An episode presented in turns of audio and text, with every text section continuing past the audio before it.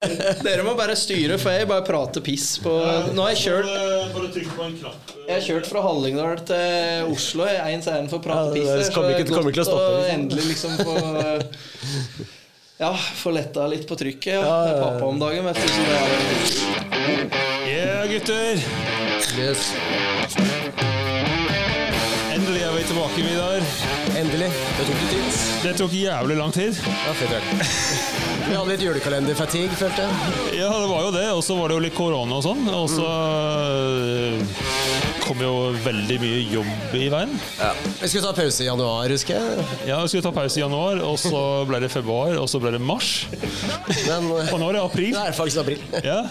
Men det, er, det har vært eh, veldig mange, nesten eh, titalls mennesker som har spurt etter podkasten.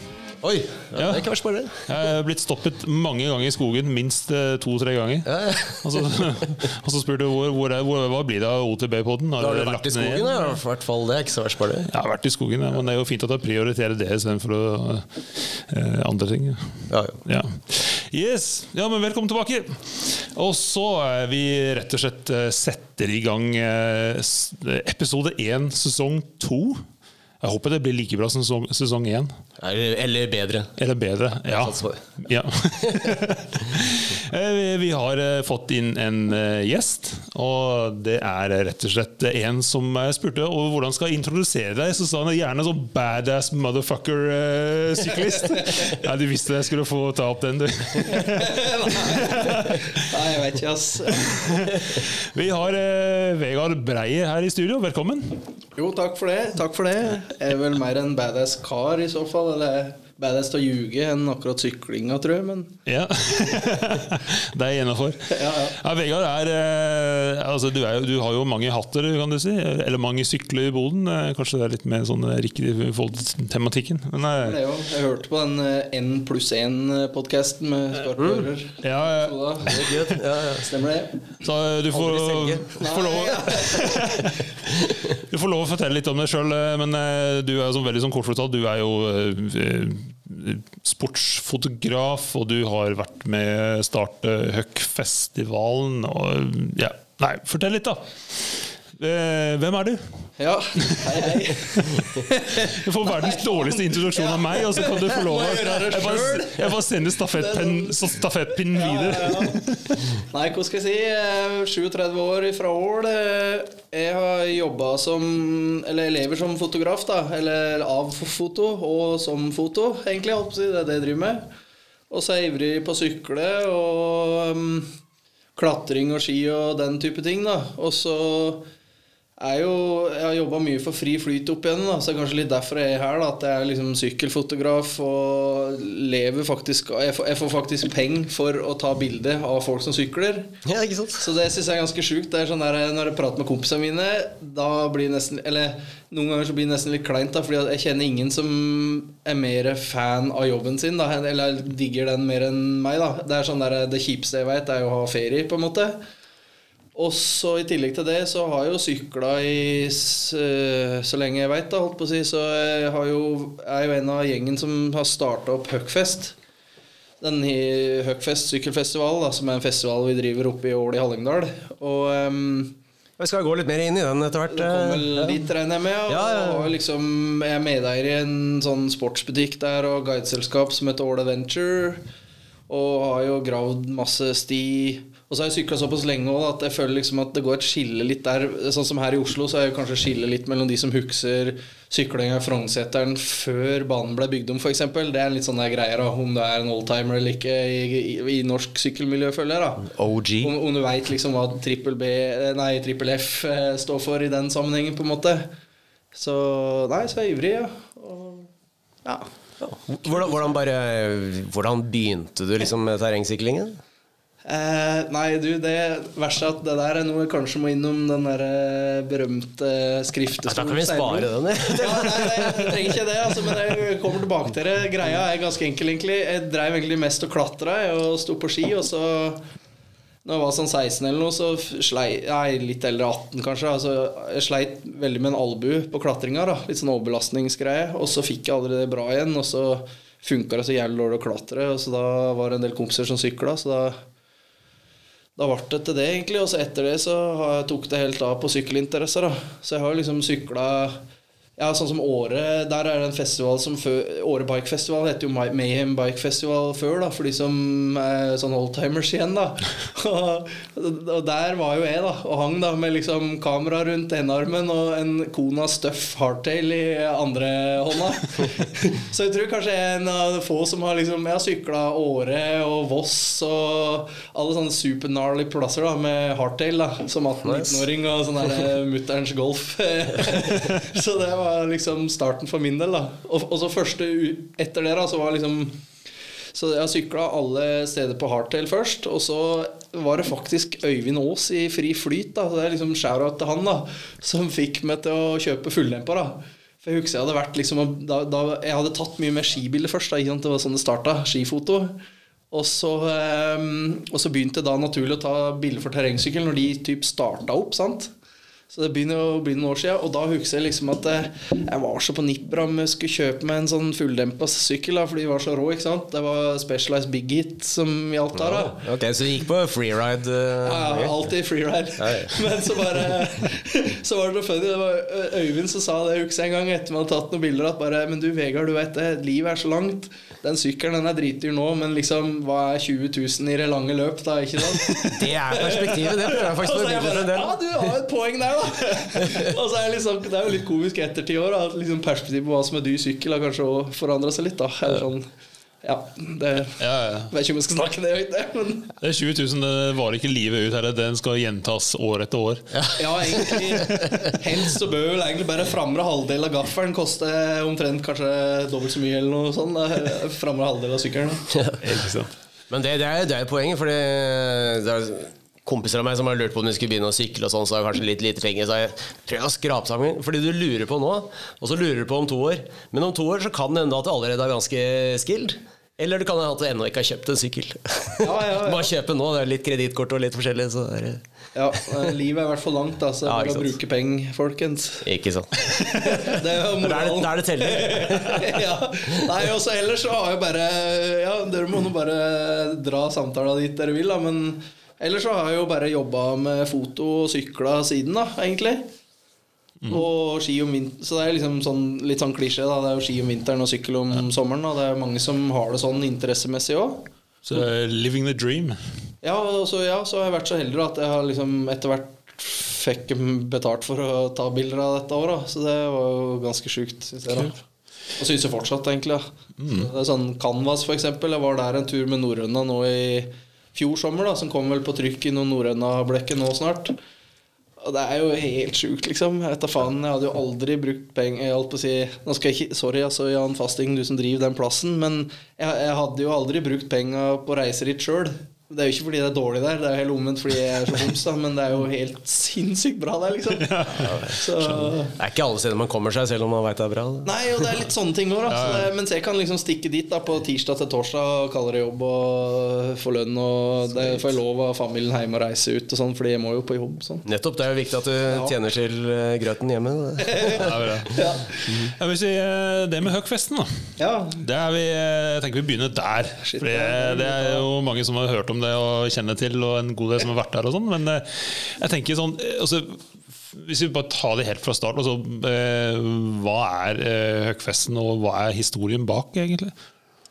Ja, jeg måtte bare ta meg en liten sipp av ølen der for ja, ja. å komme i stemning. Inn i, inn i er ikke noe ølreklame, si, men nei um, det som er litt komisk der, er at det starta jo som så mye annet. Da, som en sånn at Vi var en gjeng som var gira på å invitere kompiser til Ål for å sykle. da Og så eh, Greia er at vi, vi, har alltid vært ganske glad i å hockey i år, da. Eh, på ski. Og det er jo et verb som dere har brukt flittig, har jeg skjønt eh, opp igjennom i podkasten her. Så alle veit hva en god gammeldags høk er. Og så um, Greia er at uh, Hellbliss hadde en sånn årlig fest i år, da. Fordi de spilte til konsert, da. Og, og den nå var vi ganske gira på å invitere masse folk til, Rai, for at det var en eh, bra, bra opplegg. Ja, for jeg, jeg lurte litt på det. Hvorfor er det en, både en musikkfestival og en sykkelfestival samtidig? Ja, ja ikke For det er det jo egentlig. å, Så greia er at eh, Så vi hadde liksom en sykkelfestival, en hockeyfestival som vi var gira på å drive med. Og så spilte Hil- Hillbillies, og så er alle Hillbillies, da, så da ble det liksom Hillbilly Huckfest. da Mm. Så det var der det kommer fra. da. Og så greia var at så hadde vi ganske god trøkk der et par år, da hvor det var liksom oss eh, 20-30 stykk, kanskje. En veldig intern greie.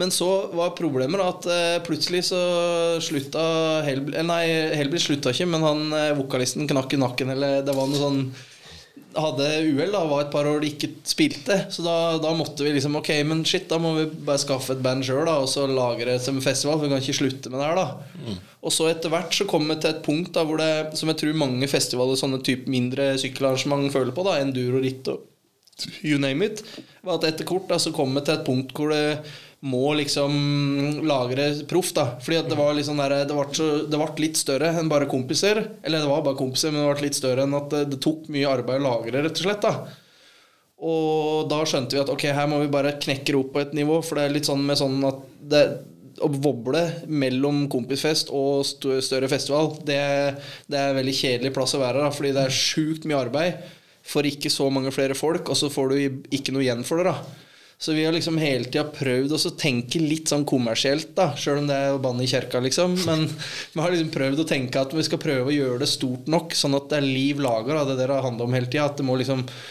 det må gå i null, i det minste. så det har liksom vært målet. da Og da har det jo skallert, og så er det litt sånn opp og ned med åra, hvor heftig vi satser på markedsførere og alt mulig sånt.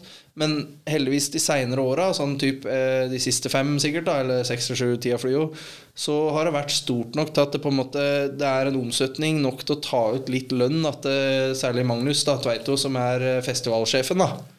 Så han lever jo litt på Huckfest nå gjennom året.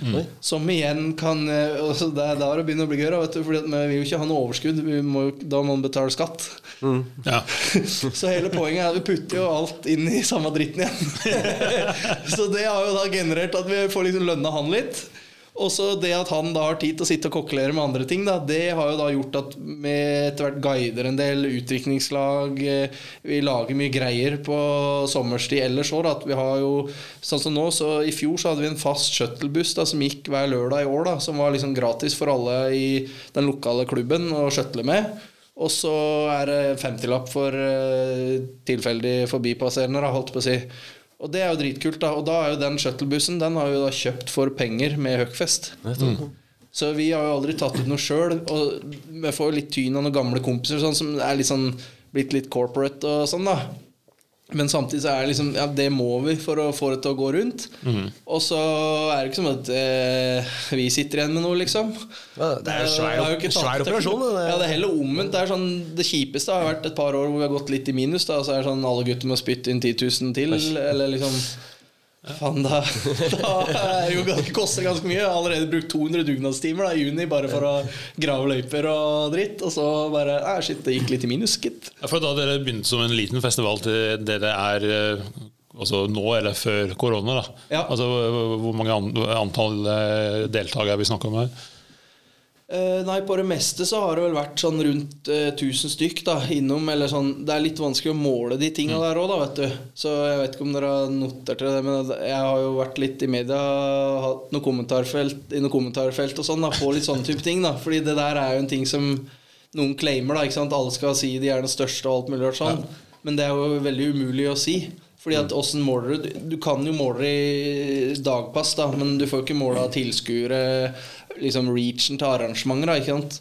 Så, eh, så vi har jo hatt sånn cirka På det meste så har vi hatt sånn ligget på sånn rundt 1000 sykkelpass selv. da Og så skiller vi jo mellom festivalpass og sykkelpass og konsertbillett på kvelden. da På kveldstid så har det jo vært mye flere. Ja. Liksom Klovner i kamp på scenen. Da. Det er jo det var kanskje det største året, når vi, vi hadde de som headliner, liksom. Og så var det jo tilsvarende med ganske bra band under de òg. Og da, da er det jo en ganske svær festival, da. Og da begynner liksom Da veit ikke jeg om noen andre norske sykkelarrangement som er på den skalaen. da Kanskje Birken og sånn er jo sikkert ti ganger større enn det igjen, på Ja, sin måte. det, det er kanskje ikke en festival eh, Men, men det er ikke akkurat fylla der, da. Eller, sånn, det, det blir en litt annen greie igjen. Da. Men sånn tar de norske stifestivalene, da, som driver med sti, så er det jo Utflukt er jo det naturlig å tenke på, da. Men der er det jo liksom De har en quiz på kvelden. For de som bor på hotellet Altså Alt skjer rundt hotellet. Det er jo begrenset hvor mange senger det er der. Sånn bare det, ikke sant.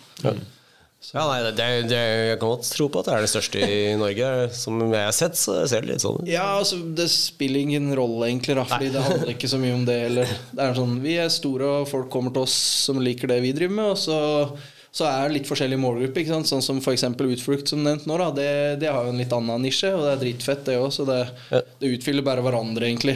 Men, men det har jo hatt større internasjonale konsekvenser òg. Fest Series har jo starta fra Ja. Huckfest, er det ikke? Ja, det er det vi tenker på. da Skal du liksom tenke sånn i forhold til å sammenligne den ene og den andre, det blir så smått. da Du tenker jo mot utlandet uansett. Hvis du skal virkelig tenke sånn om å gjøre å fronte et eller annet her, så er det jo syklinga i Norge.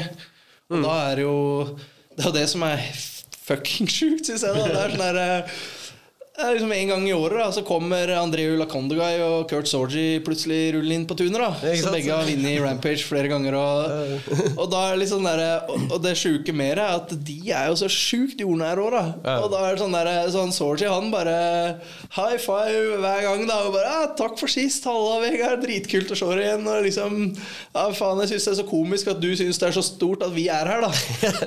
Så prøver jeg å si, men hold kjeft, da. Har ikke du liksom 50 millioner følgere på Instagram? Da? Og er liksom verdens råeste, råeste rå, råmann. Så, så det, men det var jo helt sjukt, ja. Fordi greia der var bare at eh, vi, vi var gira på å gjøre noe sprøtt. da Og så lå det ganske mye masse i en sånn halvslapp forsøk på en terrengpark for 100 år sia. Som mange skisentre gjorde. ikke sant At de skulle bygge de med jord. da så fikk vi litt lov av heisen å bare gjøre om på det hvis vi ordna med maskinkrafta sjøl. Og så er jo alle gravemaskinkarer oppe i Ål i Hallingdal, da, så det ordna seg ganske greit. Og da var jo kanskje Mats Haugen, da, makken, han var jo kanskje litt på sin høydere da. Det var kanskje Eller det er vanskelig å si det òg, men han, var, han er jo i det miljøet der. Han kjenner jo alle disse gutta. sant? Fordi han var jo godt kjent en stund. vært pro i California. Han hadde jo egen signaturram og er jo en sjuk sjuking, han òg. så, så, så da var han som vi pratet med, for jeg kjente jo han litt fra sykla mye og med og tatt bilder med han og alt mulig opp igjennom. Og, kunne, og så pratet vi litt om det, da, bare faen Og så ble det til at han bare inviterte, da. Og vi hadde jo ikke snøring på hvem som kom til å dukke opp, eller noen ting. Og så viste det seg det at det har jo vært en sånn litt greie i det internasjonale sykkelmiljøet, sånn jeg har skjønt det, at det har vært litt sånn motkultur, kanskje. Da, mot at da var jo mye dirt-konkurranser og sånn hoppkonkurranser. Men da var det veldig basert rundt show, ikke sant. Litt sånn som skikonkurranse kan ha vært i Norge med Nå sitter vi jo ved Youngstorget. Det, det var jo Ja, ja. stillashopp uh, på sjølve Youngstorget. Ja, jeg var, dom, jeg var dommer på den konkurransen. ikke sant? Det var det jeg tenkte, at du var det Når de kjørte inn snø ikke sant? og du hoppa på en europalle. Liksom. Litt sånn har det vært på sykkel òg, og det var folk dritlei. da Og her kom vi, og det som var rått da, var at på det tidspunktet så fantes det ikke noe som matcha det vi hadde i verden i det hele tatt. liksom Og det er fortsatt noe av det største hoppa som du kan hoppe på sykkel. da Og det var liksom greia Jeg syns det er helt sjukt å si, for det er nesten ikke tror på det sjøl. Men det var, det var jo helt groundbreaking. Det var jo derfor alle kom. Det var jo mange flere av de aller største navnene da som faktisk dukka opp enn nå. da Nå er det litt sånn gjengangere, men de er gjengangere som har vunnet i Rampage, da, men lell, da. Og da så dukka alle opp, da. Alle kom. For greia er at det som viser seg, er at mange av de amerikanske, eksempel, de største navna, da, internasjonale navna, de har veldig ofte kontraktfesta at de skal på så og så mange events Ja. i f.eks. Europa i året. Og det er jo her det kommer inn da, at Makken hadde jo bare sagt at eh, Ja, faen, må komme, vi skal ha et kjempeevent hos oss. Det er kanskje ikke så kjempeevent, da, men dere får masse gratis øl. Så det var liksom ok Og disse amerikanske Alle har hørt om liksom skandinaviske kvinner og eh, vill bygdafest. Kjente Mats, da. Og Mats er jo eh, tidenes råeste dude, liksom. Så det er sånn der når han inviterte fest da sier du ikke nei. Det sånn. så plutselig så bare kommer hele burningen, da, og vi bare Hva faen gjør vi nå? Det er ganske utrolig å gå fra eh, noe dere bare mekka sjæl, liksom, Ja, så plutselig ja, ja. World class event. Og så liksom Og så er disse folka er så ekte. De digger jo bare å sykle. Så vi gikk jo rundt eh, i ring der og var starstruck, da. Men de var jo ute i løypa og shapa og styra på som idioter. sant?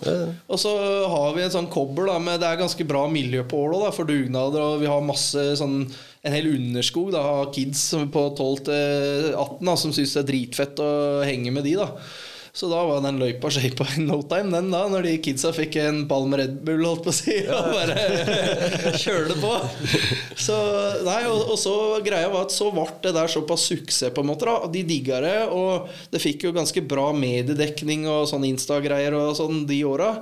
Og etter det så ble det, siden vi hette Huckfest i navnet så var der faktisk Fest Series-navnet kom, da. Mm, ja. Fordi det er der, ikke sant, Huckfest, Fest Series. Fordi da de digga det så, så fant de ut at de, den gjengen der da, at de skulle lage en serie ut av det. Eller var liksom flere som tenkte at dette må vi jo lage i California eller Tyskland eller hvor de henger hen. da så, så det er jo helt sjukt da i dag liksom å tenke er på at fuck, Huckfest starta det her. Det går ikke an, liksom. Det er 4000 innbyggere i år, altså.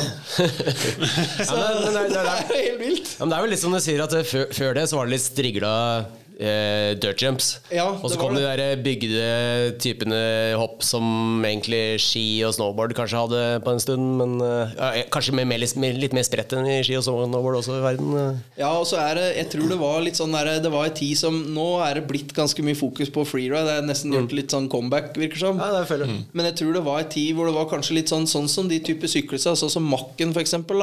Det er litt vanskelig for de nesten å vise hvor gode de er, da. Fordi det blir som lettest for folk i Norge å forholde seg til, er jo kanskje frikjøring på ski, hvis det er noe flere kjenner til.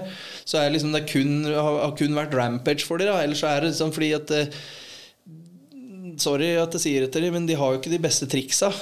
Liksom, de er dårlige på det. Nei, men altså- de altså- har, altså er er det- stort ja. og stil og liksom de små tinga, da. Ja, så har du på en måte slopestyle, så nå, nå er for så vidt blitt veldig Ja, svære ting der. Men eh, den gangen da så var det jo litt eh, mer moderat. Og da får du jo de som veldig gode på triks, men de der type frikjørerne som er egentlig bare gode på å gå svært, men Ja, ja. også kan noen triks. Ja. De hadde ikke en egen kategori. De fikk jo da kanskje Fest Series, da, tenker jeg.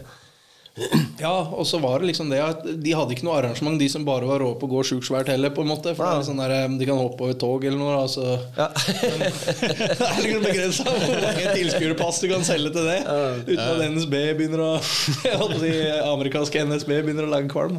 Men er det altså, det, er jo konsert og sånne ting, men altså, i forhold til sykling, da, på, er, det, er det bare badass-proffer som skal stille opp med sykkel? Ah, shit. Ja, det det var, alle? nå, det var veldig bra, sa. For det høres ut som, som Yes, for det, det var en ting som jeg prater med de andre gutta om òg. Det er liksom kanskje ene budskapet som jeg har fått beskjed hjemmefra om å ta med ned hit til Oslobygda i dag. Da. Det er jo akkurat det. At det er det som er litt problemet vårt. da Fordi at eh, når du har liksom disse gutta her, så har jo de De har ti millioner følgere på Instagram, eller jeg vet ikke søren tallene, men de er svære, da. Og så kommer de, og så er det sånn derre når media skal trykke opp et eller annet fra festivalen, eller du scroller gjennom, hva er det som får mest spredning, og som plutselig dukker opp i fintallet? Er det han ene løken på en fjelltopp, liksom? Litt sånn derre Så er det oss, på en måte? Eller er det de? Det er ganske grei skurring, da. Jeg klandrer ingen for å heller dobbeltklikke på Andreu Lukandegai da, når han ligger opp ned i lufta 20 meter over bakken, liksom. Så, så greia er at det har jo tatt alt fokuset. Ja. Men realiteten er at det er jo faen meg ingen av oss som noen gang i verden kommer til å hoppe over de hoppa der. sant? Nei, Det er jo De jo skremmende og ikke særlig helsemessig gunstig. Nei, nei, nei, så jeg tror liksom at det- det er jo bare drit i. Det er jo stisykling vi driver med. Ikke sant? Og greia er at i år så er det jo på en måte Ja, det holdt på å si nå er jeg kresen, da, for jeg har vært rundt og reist veldig mye. Men det er jo Det er ikke så mange plasser jeg kan liksom helhjerta si jeg syns er dritbra, liksom. Og det jeg må innrømme at nå har vi holdt på med festivalen i snart 15 år. da Og det er kanskje først de siste fire-fem åra jeg kan med hånda på hjertet si at syklinga er bra. Men samtidig så nå er den jævlig bra òg. Fordi det er sånn, vi har jo sånn gravetirsdager, eksempel, Hele sommerhalvåret omtrent. Eller det er litt sånn opp og ned. Men vi har jo det i bygda, og der stiller det opp da 10-15 stykk eh, utover hele høsten. Hver en gang i uka graver sti på dugnad. Og det Sorry, ass, eh, om du kommer fra Hakadal eller Hutti-Tutti. Det, det, det, er liksom, det er ikke så mange plasser det skjer, da. Nei, det Og det blir det dritbra stier av. Fordi at jeg jobber jo med det her, og jeg er ganske lei av å høre alle mulige sånne locals rundt i en eller annen plass da som sier liksom Nå er jeg kanskje litt sånn sleng med leppa-duden igjen her, da. Men det er lov å Men, slenge men men det her er sånn klassiker, da. Fordi at eh, Jeg kjenner masse skifolk ikke sant som plutselig har begynt å sykle. Så, Men de har kanskje ikke bodd i Oslo, eller de har kanskje ikke vært i finale og sykla, eller liksom sykla hva som er skikkelig bra, liksom. Fordi Oslo er jo knallbra, for all del. Liksom. Det digger jo å sykle her. Men eh, men så blir jeg da dratt til alle mulige sånne bygder, da fordi det nye hotte eller skal lages en sak om eller et eller annet for en eller annen lokal pokal da mener det er så bra. Men så er jeg sånn Ok, men han, han er jo egentlig skikjører. Han, han har sykla i fem år eller tre eller liksom Ja, ja. Poenget er at du har ikke den kredibiliteten da, som en eh, Sånn som Jeg vet ikke hvor lenge de kan ha sykla, men poenget er at liksom, de har ikke det referansegrunnlaget. Ja. så kommer du dit, og så er det jo bare drit. Ikke sant? Fordi det er bare sauetråkk, si, eller kjerreveier. Ja, det er gang, gangstier med litt sauebæsj. Ikke sant? Det er sånn som Nesbyen var når de starta, og det er dritfett det hvis vi ikke har sykla så mye annet. Men sånn som nå, da, så merker jeg at det, er så mange rå plasser å stikke og sykle i Norge. da At eh, For min del, da, jeg stikker jo heller og sykler ei helg i Trysil, eller Arendal f.eks. Fy flate, der er det jo helt psyko-rått. da Stikker jo heller dit en helg enn en eller annen tilfeldig bygd fordi en kar har kjøpt seg sykkel for to år siden og funnet ut at det går en sti bak i gården hans. Ikke sant? For det er jo veldig ofte the case. Og vi jo start, og vi jo starter jo der. Fordi det, Du ser det i markedsføringsverdenen òg. Alle fjellbygder skal selge hyttetomt. Sånn. Ja, det er jo masse stier oppe i fjellet her. Ja, faen, Da er det jo sykling. da Det går en syklesti. Det heter jo stisykling. Men det er liksom, sorry ass Det er jo den jobben vi har gjort nå. Vi har drevet Huckfest i 15 år, vi. Og hvert år så har vi jo gravd og gravd og gravd. og gravd, gravd. Så nå er det liksom Vi har jo masse stein som ligger igjen fortsatt. Men de fleste stedene nå så har vi jo store, feite runder. Enten i fjellet, som ender opp i enduro-greier og alt mulig rart. da Som på en måte Alle plasser hvor du måtte før gå av sykkelen, der er det jo bygd sti nå.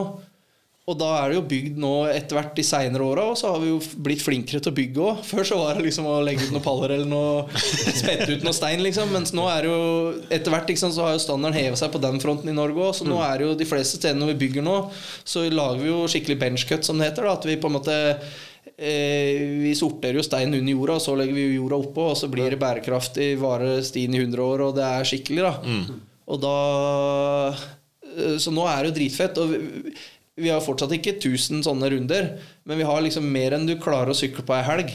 Og de er jo typ da liksom Det er hele dagen. Og de fleste av de ender jo da opp i sånne psycho Vi har liksom to Nå har vi faktisk to soner da som vi ser på som på en måte Vi kaller det litt sånn finalesykling.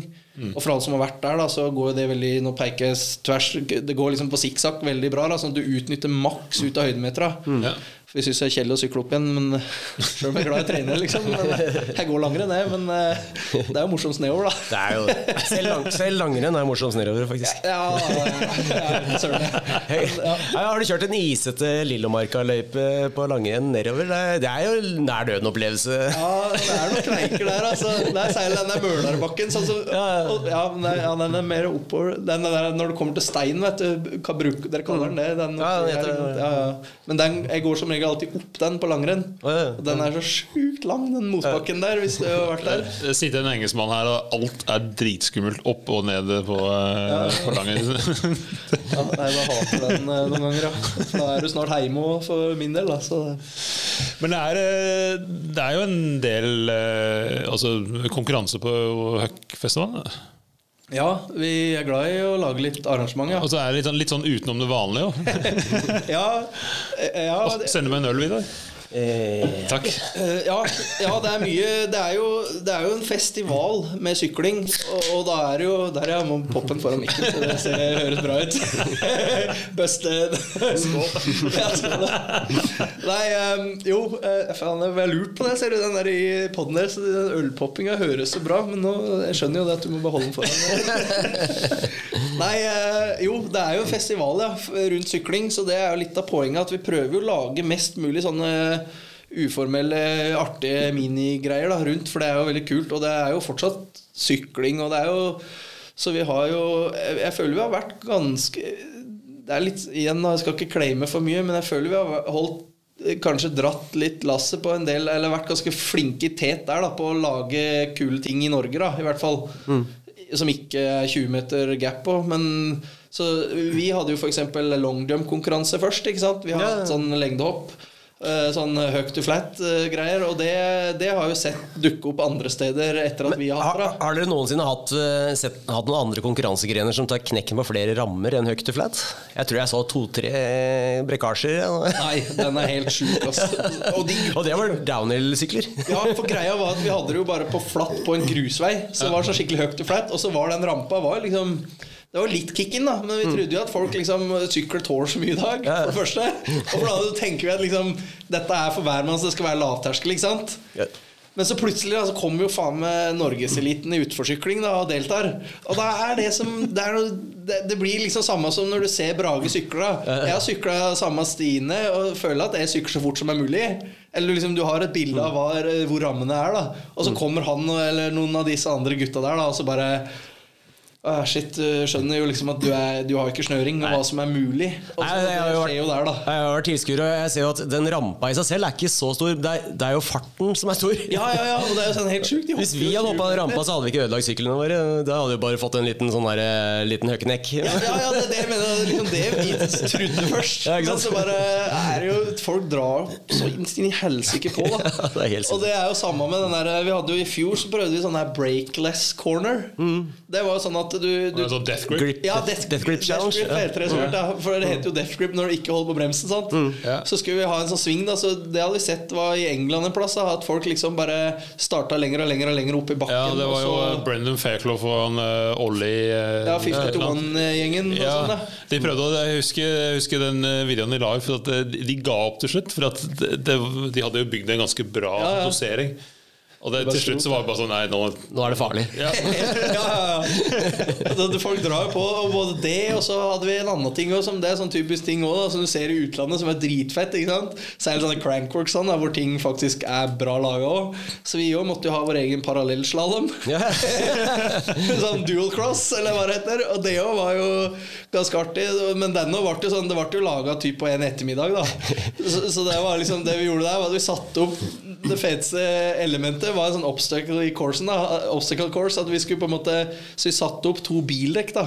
Nei, traktordekk, så vi bare gravde litt ned. Så de, så de med vilje på en måte stakk opp. da Så tanken var at kanskje folk liksom kom til å scrubbe over det, eller et eller annet og sånn da Men løypa var jo så drit òg, så det var svint folk kom over.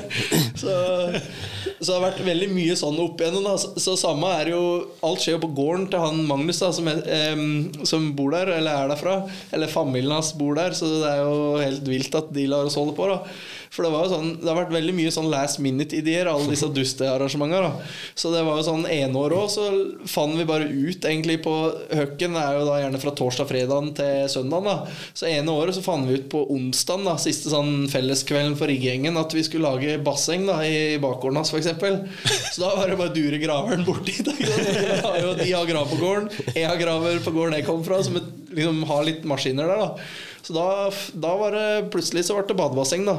Så det badebassenget som det er sånn Impossible-sykkel over, og, ja, den, sånn, ja. Det ble jo bare til den ene fredagen på Impuls. da Og det var fordi vi hadde tenkt Ja, vi hadde vel tenkt å ha noe Ta sjansen eller noe. Nei, det var, da, hadde vi, da hadde vi rampe. Jeg tror det var rampe uti det bassenget. Så vi kunne ta backflip hvis vi ville. da. Så det Hvor trygt var det? Nei, ikke veldig. Så, men det var jo Og det er det som må er litt sånn da, med at vi har blitt litt kommersielle, syns jeg. da Eller det er sånn det er en sånn ideologisk nobelsk eh, trist over det. At det på en måte før så var det jo Det var mye mer out of control, på en måte. Og det er jo noe som er veldig gøy å minne tilbake om. Men poenget er at vi måtte jo ta noe grep etter hvert, ellers så kom jo noen til å dø.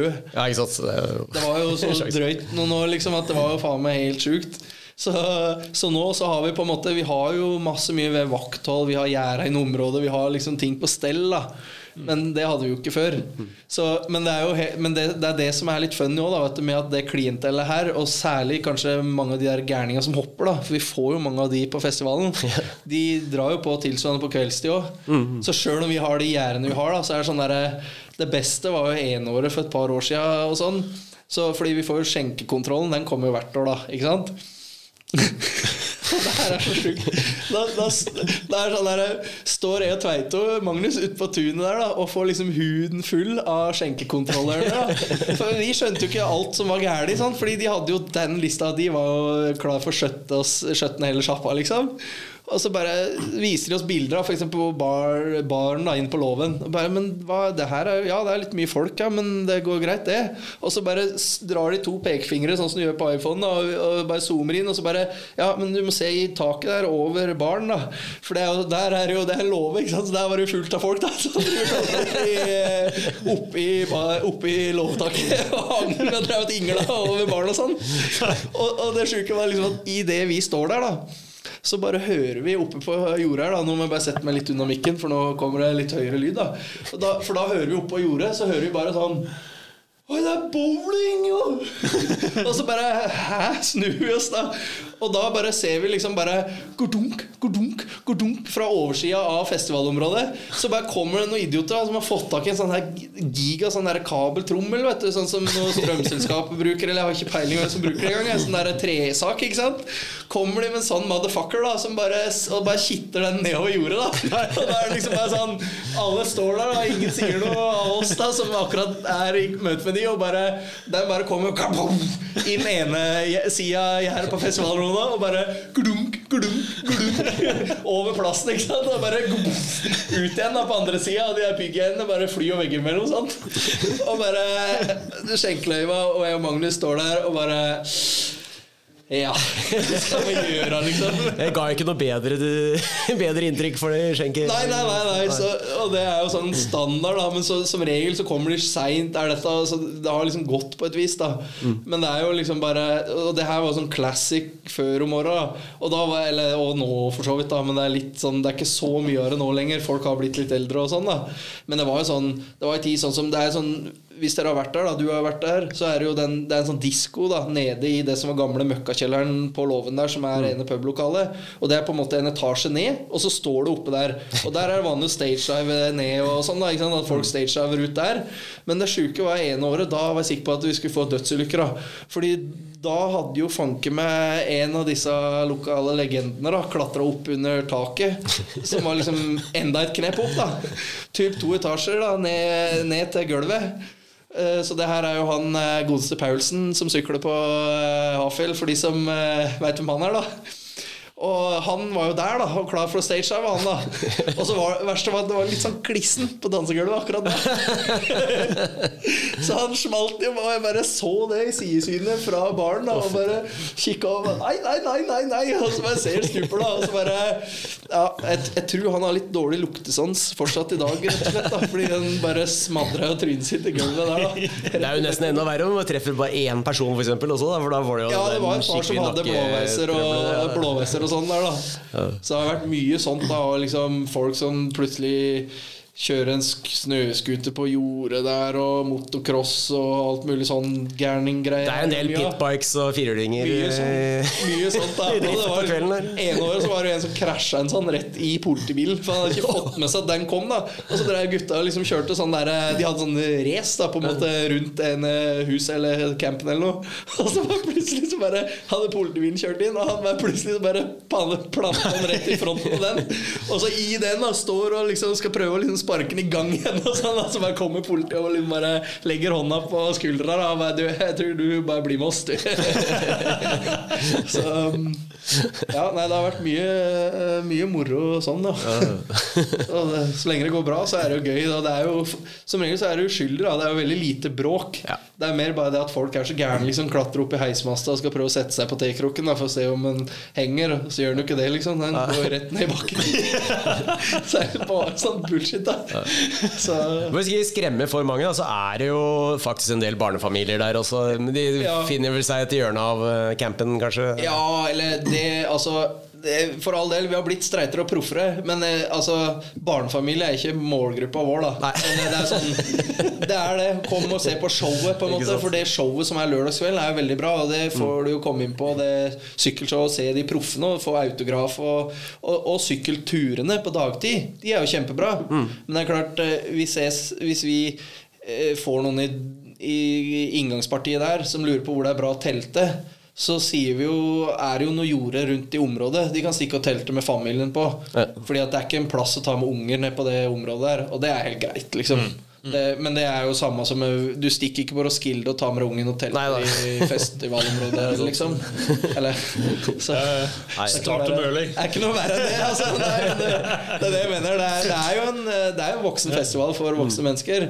Og det er klart du Det er jo samme Det er jo jeg drikker jo veldig lite sjøl med åra, som har blitt litt døllere enn var da jeg var 20. Liksom. Og det er sånn Hvis jeg skulle stikke på Huckfence, så kan det godt hende jeg hadde lagt meg en annen plass. Det fins jo campingplass i sentrum å stikke på, og så heller bare møte opp på de guida turene. Hvis du vil det, liksom. Det jo, jeg, har, jeg har veldig stor respekt for det. det liksom, og det er jo litt av poenget. At det er veldig gøy her å sitte og prate kødd om alle disse sjuke storiesa. Fordi det er så mye sjuke stories. Men poenget er at eh, det er jo stisykling vi driver med. Sånn eh, det er bare at det sklir ut litt på kvelden. For, for veldig mange. Men, men, men det er jo veldig mange som stikker dit. Det er nesten to parallelle ting. Det er det som også er litt av poenget som òg er litt kult. da Vi er en stor nok festdel av det. Vi er en stor nok festival til at du kan stikke dit, og det er et festivalområde. Det er kult å henge der. Og så kan du jo stikke innen klokka blir to på natta, liksom. Men, men poenget er liksom at eh, jeg har vært på en del andre sykkelarrangementer, da. Og det er ikke noe arrangement i sykkelarrangementet. Ikke sant? Og det er det jeg blir litt sånn der hvis jeg, Apropos nå slang jeg litt med leppa i stad, hvis jeg skal gjøre det igjen, så er jeg, jeg, jeg har jo null stress. Jeg har ganske lett for å fyre av noe mot enduromiljøet, f.eks., som er jo sikkert å banne i kirka på den poden her. På. Jeg har jo vært på endurokonkurranser òg, liksom, og tatt bilder og Det er jo dritfett, det òg. Men sånn som det er òg, så er det jo veldig dårlig etter klokka fire, på en måte. En ting er dårlig, men jeg vil jo si det er helt tragisk. For det er sånn, Jeg husker jeg var på Traktorland eksempel, en gang. da Det var kanskje da det var aller tydeligst, for jeg kom dit. da Og så Greia var at jeg hadde jobba litt seint her, så jeg kom dit ganske seint. Jeg var der kanskje sånn halv elleve-tida på kvelden, eller ellevetida. Og det er ikke sånn veldig seint for voksne mennesker, da, men det er liksom hvis, hvis jeg hadde hett eh, Bjørn Dæhlie, holdt på å si, eller Klæbo, eller driver med noe sånn idrett, så hadde jeg sikkert lagt meg for lengst. Og det er fair. Men hvis du sykler 80-20 i Norgescupen, da, og med mindre du er topp fem, på en måte, så kan vi bare cut the crap da og si at eh, sorry, karrieren din eh, du, du, er ikke, du blir ikke proffsyklist uansett, liksom. Så hvorfor ikke ha litt Traff veldig nære hjertet. altså. Ikke sant? Du skjønner greia er, at, eh, greia er at jeg har ikke noe hat mot eh, Poenget er at jeg respekterer Fordi at jeg er en strever sjøl, liksom. Jeg er en jævla nerd. Men, men greia er at eh, og, og jeg, jeg hadde lagt meg tidlig òg, for det, det handler ikke om førsteplassen. Jeg skjønner det Det handler om å liksom konkurrere mot vennene dine, og du, være, og, og du skal makse sykkelhagen, for det er jo helt sjukt mye du i en sånn dag. Men poenget mitt er liksom at der da så var det så ekstremt at jeg ble skikkelig sånn kjefta på. da Fordi at jeg gikk med rundt i telta og lurte på hvor eh, det var noen kjentfolk. Og, og så kødda jeg litt òg, liksom, for jeg syntes det var litt sjukt at det var, alle lå og sov. da Før klokka tolv, i hvert fall. Da. Det er sånn, hvor er og, og det trenger ikke være fylla, liksom, men hvor er bålet? Hvor er den gode stemninga? Hvor er liksom samholdet? Det er noe de Jeg hadde aldri i verden giddet å kjøre Sånn som før i tida, når det var utforcupen, f.eks., i Oppdal og sånn. Jeg hadde aldri giddet å kjøre til Oppdal da for å legge meg klokka 11 hvis jeg visste at det beste jeg realistisk hadde sjanse med å klare rittet, er liksom femteplass eller ti, eller kanskje da, for det er ganske Da er du faen meg god, men si tiende, topp ti, da. Fordi at på disse renn, eh, renna, ritta, så er det jo Jeg vet ikke hvor mange som deltar på et sånn, et jevnlig enduroritt, da. Kanskje 100 stykk, hvis vi sier noe sånt. Tar Nei, så Ja. Det er vel jo oppi nesten 200 på den største. Men Ja, ikke sant? det Nei, det, er, det er sjelden. Altså, det er sånn inkludert av småplasser og Nei, nei, sånn som Drammen Duro, så har de jo en topp cap. Eller det er kanskje 170. Ja. De kan ikke ha mer, for de gidder, gidder ikke ha mer. Men, Men, men si liksom 100, da. Selv om du bare bruker det som et tentativt tall. Og de fleste som har sjans på over topp 20, de veit det sjøl, liksom. Og det er fair det at du legger deg litt tidlig hvis du heter Sakka eller Espen Johnsen eller noen av de psycho-kara der. Men for alle oss andre, liksom, hvor er det, hvorfor driver du med det da? Hvis du bare skal Eller Ja, det, er sant, det har jo vært noen ganger det har vært arrangert er noe trist, etterpå også, men det har jo vært litt sånn triste greier. det. Skal, ehm, var det, jeg tror det var uh, Hafjell Enduro. Ja, da var det sånn Da var det etter konkurransen, så det var um, kveld. Men det, da husker jeg selv at jeg var ganske sliten. Ja, det er, jo, det er jo det, men det er særlig sånn kvelden før og sånn. Og Som sagt, det er ikke noe sånn veldig hardt å feste sjøl. Jeg skal gjerne innrømme det. liksom Flere ganger i Hafjell på de her åpningshelgene åpningshelga eller alle de sjuke helgene der òg, at jeg gjerne tatt en med halen mellom beina litt tidligere. Liksom.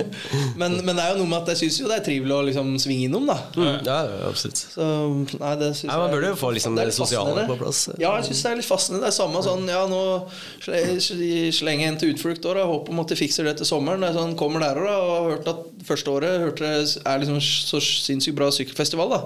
Så lurer jeg på hvor festivalområdet er. Ja. Og da får jeg jo bare beskjed om at uh, Er du helt boms, eller? Det er jo hotell. ja, ikke sant. og da er det bare sånn, ja, men Det er hotellbarn. Fuck, liksom? Jeg bruker ikke penger på hotellovernatting når jeg er på sykkeltur og kan sove i telt midt på sommeren, liksom. Men da måtte jeg bare telt nede i grøfta som en boms, da. Så det synes jeg Jeg tenker at der er det forbedringspotensial, da. Som jeg syns vi er flinke på. Det er mange andre som er flinke på det òg, men Ja, men Høgfest er jo en spesielt morsom festival. vi er jo veldig For all del. Så ja, nei. Men eh, som du sier, det er jo mye god stisykling. og Jeg var jo på en av de der eh, høyfjellssyklingene, tror jeg det kalles. Eller sånne. Ja, ja. Du drar opp og så sykler hele dagen over noen fjell, og så guider hele veien. Og så er det innom eh, en sånn seter med, hvor du kan spise litt sånn Spekefjøl og ramme rømmegrøt. fra støl til støl. Ja, støl til støl heter det. Ja, det, Det var det. Nå skal ikke jeg faen Nå er det Dikkon som drar det hit. Da. Jeg tenkte vi skulle prate om alt mulig annet òg, men mm. ja, ja, jeg kan jo reklamere mer for Huckfesten, da. Men altså, Men, ja. når er neste Høgfestival? Den er eh, 19. til 21. august. Vi har flytta det litt seinere på sommeren i år. da Ja. For jeg sliter litt med at det er fellesferien, og da driver folk med andre ting. Og, så det er liksom Ja, for Det har vært det største ankepunkt for i hvert fall meg. Da. Altså, Du har jo spurt meg flere ganger om jeg ikke skal være med, men det er fordi at det har jo kommet midt opp i ja, fellesferien. ja. Men så, ja, så det som er greia, er jo egentlig det som vi, er hoved på en måte greia med Huckfest, som vi mener som syklisten. da Det er klart det er to leirer. Det er de som stikker litt for pushet på store hopp. liksom Og det er jo Jeg syns det er veldig kult at det er en vekst der òg. Fordi når vi starta med det, så måtte du ha canadisk pass for å kvalifisere til den ene kickeren, for å si det sånn. da Mens nå så er det sånn at uh, det, er, det er veldig mange begynner å bli mange gode norske syklister da, som sender den. Og særlig i år så blir det spennende, Fordi at nå er jo Fessiers Series back så vi synger etter. Så vi får alle de tilbake. Og i tillegg så prøver vi Vi håper egentlig at vi får de Nine, um, nine Nights, holdt jeg på å si, de eh, damene til Ja. å komme òg. Ja, ja. De Nines er vel den konkurransen etter nå. Det het Nine Nights før. Men uh, the, the Nines da, Vi har invitert de, så vi håper at vi Det har vært sjukt For vi har ennå ikke sett noen dame, tror jeg, hoppe over den. Jeg er litt usikker om hun Lonar gjorde det i fjor. Eller hun er vel oppe og snuser på sånt, tror jeg. Men, men uh, uansett, da. Det hadde vært sjukt kult hvis det kom en gjeng av de og bare sendt den nå. Hadde vært fett. Ja. Så det er to leide de, og så er det jo det jeg prøver fram til her, da. Det er jo fjellsyklinga. Det er det du kommer dit for. For det som er det sjuke, er at under høkken, på samme måte som de storhoppa bare blir hopp- hoppa da, så er en del av de turene som vi gjør jo aldri de sjøl heller, liksom. Jeg har en lokal runde jeg sykler som er eh, en time, og så har jeg en som er tre. Det er, men det er aldri så langt inn til fjells. Fordi poenget er at der så har vi på en måte laga det sånn at du Det er jo shuttlebusser, så vi har leid inn masse busser, så du blir på en måte shuttla langt pokkernivå inn i fjellheimen. Og så sykler du på en måte hele dagen tilbake. Og da er vi litt tilbake på det med stikvalitet. Der skal jeg innrømme at eh, det er greit, på en måte. Det funker. Men det er bedre flyt til Gullia i Trysil da, liksom. Mye av det er jo litt sånn godt og blanda. Sånn er jo fjellet. Ja, ikke sant? Det blir litt sånn som fjellet her. men det som er kule, er at plutselig når du kommer tilbake til festivalcamp, da, så har du liksom Du har sykla typ ikke Birken, da, men du har sykla ganske langt da, på feit sti. Og så er det jo et, Vi har jo en hel bråta med folk da som er ute og sykler i fjell hele tida. Og særlig han, han som er ansvarlig for de turene. Han er jo ekstrem. Han er jo greier at han er i tillegg dyrlege, så han er rundt på alle disse støla. Så han kjenner han Ådne Kvammen, som heter, han kjenner alle stiene omtrent. da Så det er jo selektert. Men poenget med at vi kjører bussen inn, er at det, det er det som gjør det litt lettere. Fordi da da har du et høydetap da, på eh, ganske mange hundre meter. Så det er jo da fordelt over hele den strekninga. Og så ender det gjerne opp i en av de to finaleområdene, holdt på å si. da er, Og der er det mer som sånn enduro-aktig opplegg. da Det minner litt om Lillo, egentlig, som dere snakker om litt. da Fordi en del av det er sånn Særlig sånn som ja, både Torp og en annen en, som jeg, jeg vet ikke om jeg skal nevne alt med navn heller, for det er, det er mye av siden som ikke ligger på Strava, og sånn for det er litt sånn localism siden vi driver med guiding der. da men mye av det er jo sånne soner mer som òg. At det er, ganske, det er kanskje noen stier som folk har sykla mye. Men så er det hver så mye annet som er bygd eh, vel så bra. Så, sånn at du kommer til den sona, og så kan du gjerne sykle opp og ned og hit og dit litt. da Så det er sånn Sånn som den ene runden jeg har til vanlig, da, den er sånn som tar sånn det er sånn klassisk sykling du gjør rundt omkring. Da. Du sykler en time på grusen, kanskje, ikke sant? og så har du nedkjøring. da Men vanligvis er det én nedkjøring, men for den ene der, så det er den som jeg pleier å guide aller mest. Der er det sånn at du sykler kanskje halvannen time opp på grus først, eller shuttle av noen. Og så, eller elsykkel er jo veldig praktisk der, da. Det sa sånn sjøl, men det kommer jo for å bli. og, så, og så da sykler du først en feit nedkjøring som er en rydda, eh, litt sånn old school vanlig sti. Mens etter hvert så kommer du inn på en god del sånne linker vi har. da, vet du, Hvor vi da har på en måte linka dette sammen, så du sykler på kryss og tvers og litt opp igjen kanskje og ned og hit og dit. da og så ender du opp på starten igjen, altså, og da har du plutselig sykla Du har ikke liksom sykla halvannen time opp for den ene nedkjøringa, du har liksom tre. Så du får liksom tregangeren på høyde-payoffen. da Og det er, da, det da det er gøy. Og det er da, det by, det er da liksom, sånn som jeg, da som har sykla rundt i Europa og i hele Norge og Åre og Gesund og alle plasser, at det er da, da folk som meg, da som har litt perspektiv, og dere, og folk som er ekte syklister, da som veit hva som er bra, og hva som er dårlig, det er da du kan begynne å si at det er bra, da, på en måte.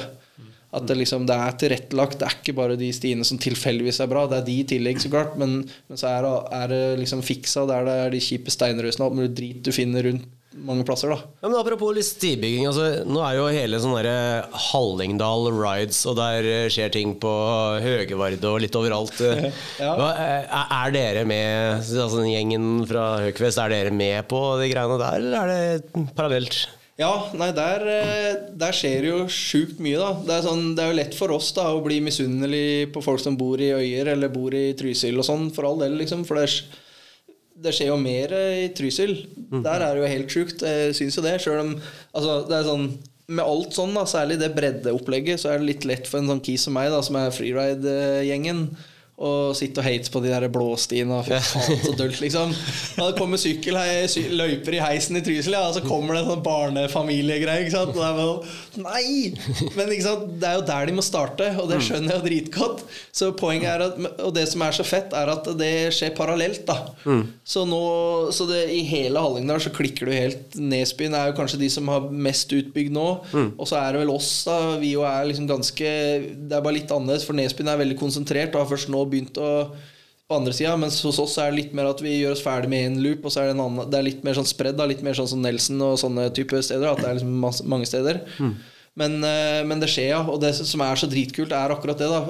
At eh, jeg irriterer meg litt, da, for det er noen sånne Jeg har bygd et par perm tracks og dirt jumps og sånne ting før opp igjennom, da. Og det er noen steder at jeg føler ofte som mange Du blir fort putta i den der freeride-kategorien som gæren, da, fordi at du savner den s- Mm. Fordi at eh, vi har en sånn Vi har noen hopp rundt omkring, og du ser det rundt omkring. Og når det blir bygd da, sånn kommunalt, så blir det veldig fort at det skal være for alle. Men med alle så menes egentlig bare opp til eh, middels flinke, holdt på å si. Da. Det, det mener virkelig ikke alle.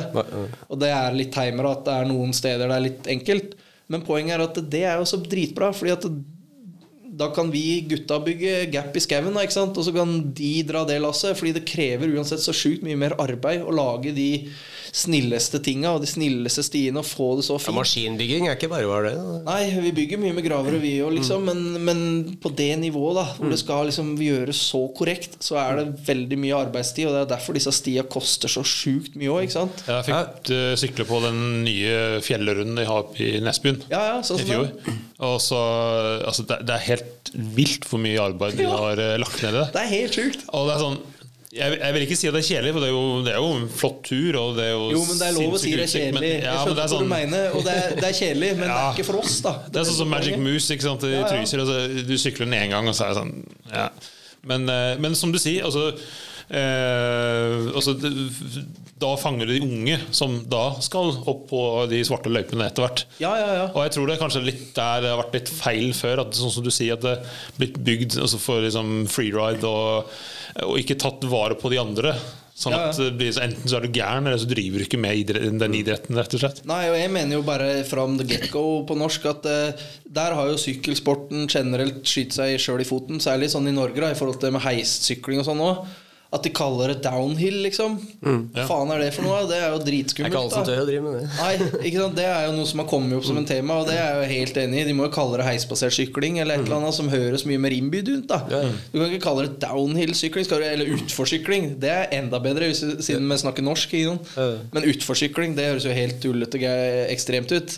Men hvis du sier heisbasert sykling for hele familien, så er det jo helt topp. da Tar heisen til topp, og så tar du en fin runde rundt. da Og det er jo der det er i ferd med å skje. Sånn at dette skjer parallelt da med det som heter Hallingdal Rides, blant annet. da og der er det sånn Fy flate, ass. Vi skal ikke sitte her så mange timene. Så jeg har liksom Jeg skal ikke gå inn på alle nyanser der, men jeg har jo noen ting som jeg virkelig hater med. Liksom. Akkurat det at det er sånn De lager eh, løype da med tre forskjellige vanskelighetsgrader, men alle tre er klin like. Det er jo ingen som er vanskelig, for eksempel, da.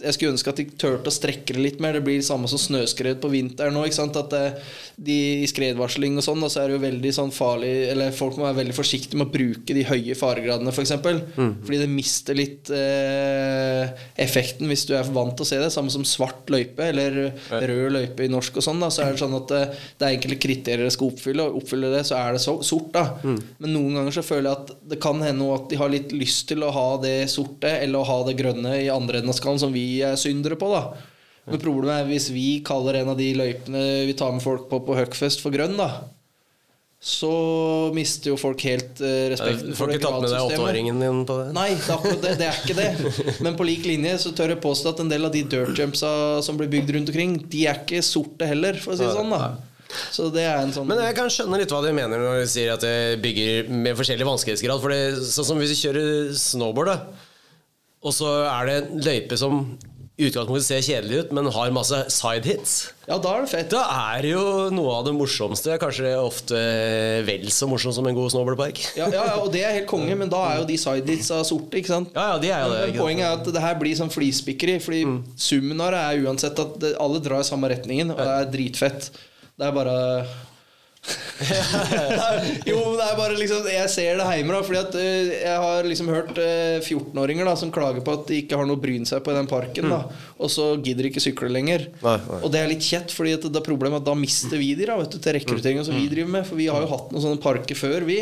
Men de har jo da ikke oppfylt noen krav og reguleringer og sånn, fordi de har jo der har det vært noen store hopp òg, og det er jo sketchy. Og jeg skjønner jo det at de kan ikke ha det Men det er litt synd, da, for det er, det er liksom kødden. Vanskelig å fange opp. Men det er også kanskje litt fordi mountainbikere ikke egentlig er så opptatt av triks. Det kan jo alltid Hvis det er et hopp du kan hoppe fire Ja, ja. meter på, så kan du alltid gjøre sinnssykt Hvis du ennå ikke har satt en trippel eh, tailwhip på den, så Ja. er det jo fortsatt potensial. Det, men det handler ikke om triks her. Det handler mer om det at unga når de er 16, da, de må ha en plass å stikke til etter skolen. Ja. Og hvis de vanskeligste hoppa er for små og kjedelige for dem, så finner de på noe annet stikker og henger på butikken i stedet for. da men, eh, men det her blir sånn Det er en ganske heftig sak å prate om. Nei, jeg kan ikke. Poenget er, at, eh, poenget er at det er dritfett. Og det er liksom Ja, kanskje Det er litt den derre respekten, kanskje, heller, da, jeg kan si, for stibyggefaget. Eller liksom respekten for de pump tracks og de dirt jumps og sånn. Det er den jeg kanskje føler mangler litt noen ganger. Det er sånn Jeg har bygd ganske mye løyper og sånne ting på dugnader og opp igjennom og vært med på en par pump tracks og sånn.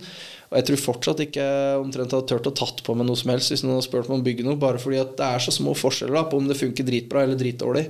Og det, men, men det der kommer, altså. Og det er helt konge. Er, vi fikk en blåst i fjor som var helt konge, som er dritfett. Den er rett bak av sjappa vår og kontorene våre i år. da Sykler jo den i lunsjen jeg, eller til jobb, og det er helt konge. Og vi får en ny rød en i år. Og poenget er at jeg kan hate alt jeg vil om den ikke er så rød som jeg vil ha den. Men det er fortsatt noen som har skaffa midlene, da, gjort den jobben. da Fått en million til å bygge disse tinga. Og jeg kan bare sitte med beina på pulten og klage alt jeg vil, men det er jo en gratis sti som er psycho ra- bra. Det er jo strålende at det skjer. Og Trysil og allting sånn òg. Det er liksom Ja, det var kommers og det var litt dølt i starten, og sånn da men nå er det jo til og med blitt heftig skitt der. liksom Den er ikke verdt å sett, den B-Rage-løypa. jeg, Men eh, det er liksom sånne ting begynner jo å komme òg nå, for nå har de jo bygd alt det snille. Så begynner de å dra på med de andre tinga, og da er det jo s- mer enn rått. Altfor rått for min del, tror jeg. Så. Er den eh, B-Rage den, den er slem. For det, er sånn, det, er ikke noe sånn snill, det er ikke sånn snill altså, Vanligvis på sånne hopp, eh, løy, altså, hoppløype eller hopprekke eller whatever, så begynner du med sånne små kuler, og så bygger du opp og bygger Ja, opp. Og så ja. blir det større. Se på sånne. BMX-park og ikke sånn, sånn dirt jump, så begynner det litt sånn smått med litt sånn pump track, Ja, ja, ja, og så bygge opp. Men der er det bare fucking straight out the box. Bare Ja, for det er en sånn dropp det der er, sånn, en gang. det er enten sånn syk dropp eller inn i en sånn sidehit et eller annet. Og så er det for meg det er svær gap, og så er det langt ned i dalen, og så oppi en gap til. Og så er sånn, Og alle gappa er sånn der Det er stein du imot, ja. møter. Da. Det er liksom ikke noe sånn her, Det er ikke noen liten kul. Men er jeg, jeg, sånn- jeg har altså, innerst, innerst inni meg så, så, så kan jeg Så kunne jeg klart det. For jeg, jeg har en sånn mistanke at det er så bra bygd Ja, ja. at hvis man hadde bare klart å skru av alt av frykt og bare gjort det, så hadde det faktisk gått greit, tror jeg. Men du må finne et sted å hoppe deg opp på. Det er det. Det er, det er som med alle hopp. Hvis de er bra bygg, så kan du kjøre dem, egentlig. Men eh, du kan ikke gå rett fra bitte små til kjempesvære, for det ryggmargsrefleksen Ja, ja, ja. for det. Ja, det er Kommer til å gå langt bakover og, og så feil. Og, Du må jo ta trinna, kanskje. ja, det, er- det er bare for frykten fucker opp. Ja, men, men på en annen måte så er det fint, for at eh, når jeg ser på, så er det liksom no way. Jeg, sli, jeg slipper Ja. å miste søvnen over det. det er bare, litt sånn jeg har det med Jeg sier fra noe hoppe hjemme. på et visst tun der. ja, ikke sant? Veldig, passer veldig greit at det blir som jeg bare hopper på en gang i året, og da er jeg megatravel med å drive en festival. Så det passer. Det er greit å bare si nei, så ikke tenke på det. Veldig ryddig og veldig greit. Jeg slipper vurdere det en gang, ass. Det er deilig. Men selv en litt mindre linje er jo ganske brutal. eh. Ja, shit, ass. Det er godt noen kragebein der oppe. Der er landingen ofte litt mer presise. Vi, vi var I starten så var vi- inne på at eh, du lever av å ta bilde og, og lage video av uh, sport. Og du er mye inne i sykkelmiljøet, blant annet. Ja, Ja. jeg liker å tro det, i hvert fall. Ja. ja. eh, og så sa du du liksom du, altså, du, du får jo betalt for å gjøre det du syns er kult, egentlig. Altså, bare fortell litt om det. Var, er, det eh, vi er litt, litt interessert i hvordan du kom inn på det. Ja, det er liksom Hvor skal jeg begynne? Fortell litt. ja, ja, ja. Ja, nei, ja, det er sjukt, det, altså. Så, men det er litt sånn derre Det er litt trist, egentlig, ja, fordi nå er jeg 37 år gammel nå, da. Og det er litt sånn den verden der, det med å tjene penger på det, er kanskje nøkkelordet der, da. Det er litt sånn sjølmotsigende med det å være hardcore. Har jeg erfart, da. det er noe dritt. Det er sånn der, eh, Fordi jeg starta jo Hvis du skal liksom ta How to become eh, proff eh, actionfotograf, da. Så det er litt annerledes i dag, Fordi i dag har du litt andre kanaler med Instagram og sånn. Var ikke så stort når jeg begynte. Da høres jo megagammel ut når jeg sier det. det er, jeg skal ikke si at det er det en alder fall. 27, nei. Men, eh, men uansett, da. Det du starta med, var jo liksom bare at tilfeldigvis da, så var det i miljøet. Jeg, kjente, jeg kjørte mye sjøl og sykla mye. og og, og så etter hvert så blir du Hvis du har et kamera, da, så blir du kjent med noen som er dritgode. I mitt tilfelle så var jo det her liksom bestekompisene mine. da er, er jo de beste skikjørerne i landet, liksom.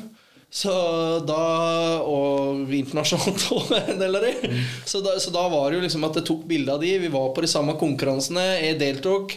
Var sikkert knocka ut i første runde, ikke sant. Og så lå nede for telling med kamera i hånda og kunne liksom ta bilde av kameraten min som vant da etterpå. ikke sant så det var jo veldig greit, det. Fordi da fikk han med seg pokalen hjem, og så fikk jeg billige lokalaviser. da Og sånn er det jo i dag òg. Hvis du vil opp og fram, så er det jo bare å være i miljøet. Så blir du kjent med litt folk, og så sier du at du har kamera, og så spør du noen som er gode. Og i dag så er det ikke lokalaviser, da, men nå er det på en måte Instagram og sånne ting. da Og det er jo bare å se på de som bryter seg fram nå. De tar jo bilde av flinke folk, ikke sant? som har gjerne kanskje Og så etter hvert så er neste steget er jo da at disse utøverne du tar bilde av, de har jo kanskje litt sponsorater, de har noen partnere og sånn, som plutselig begynner å lure på bilder av de, da. Hvis de da er gode nok til at de er interessante for partner å bruke foto av, da, til markedsføring eller plakater eller Facebook-ads eller whatever, ikke sant.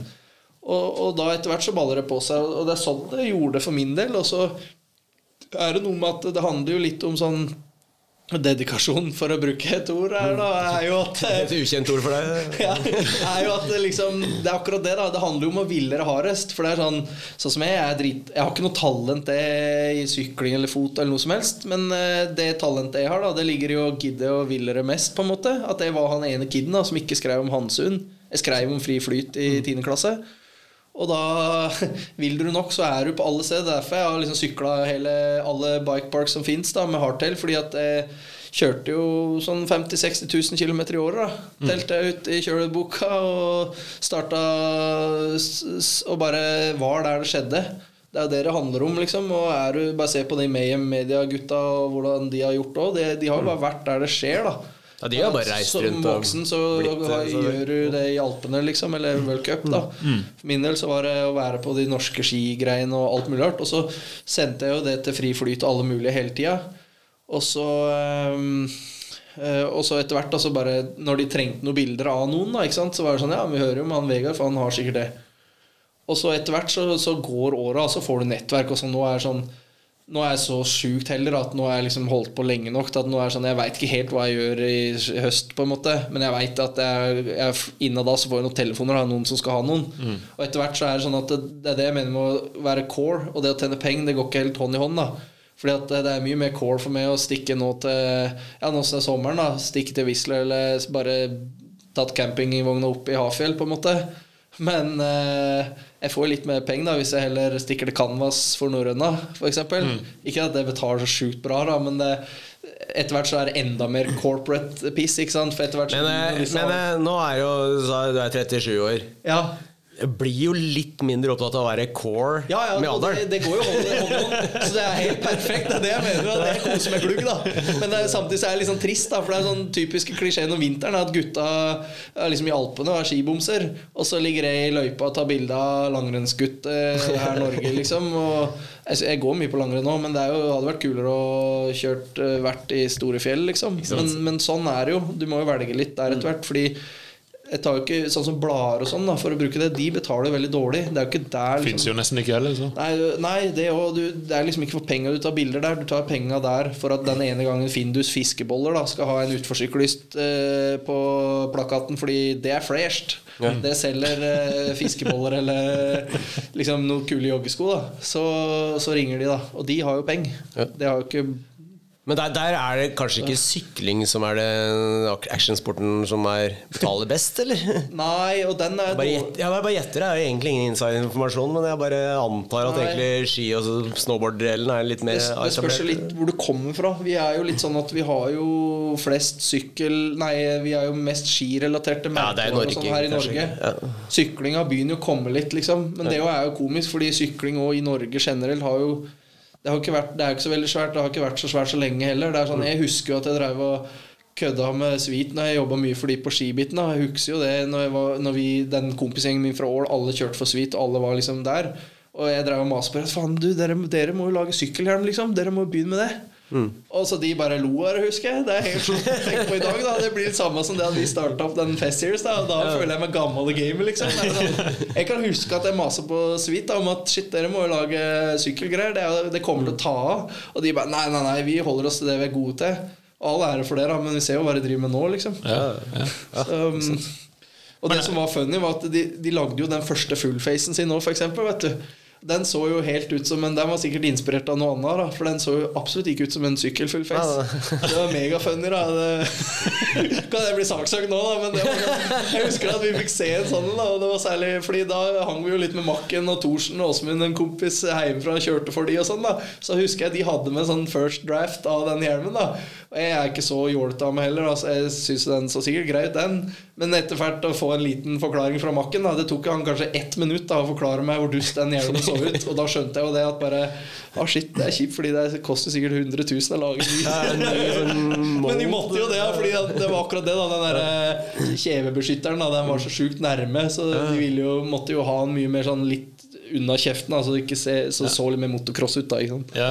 Alle sykkelfolk vil jo se Nei, så mo, det var jo som mopedhjelm, egentlig. Da. ja, det var Ja, det er komisk å henge ut de litt, da, for de er så store og kule. Men eh, ja, det så litt ut som en mopedhjelm. Jeg tror de skjønte det.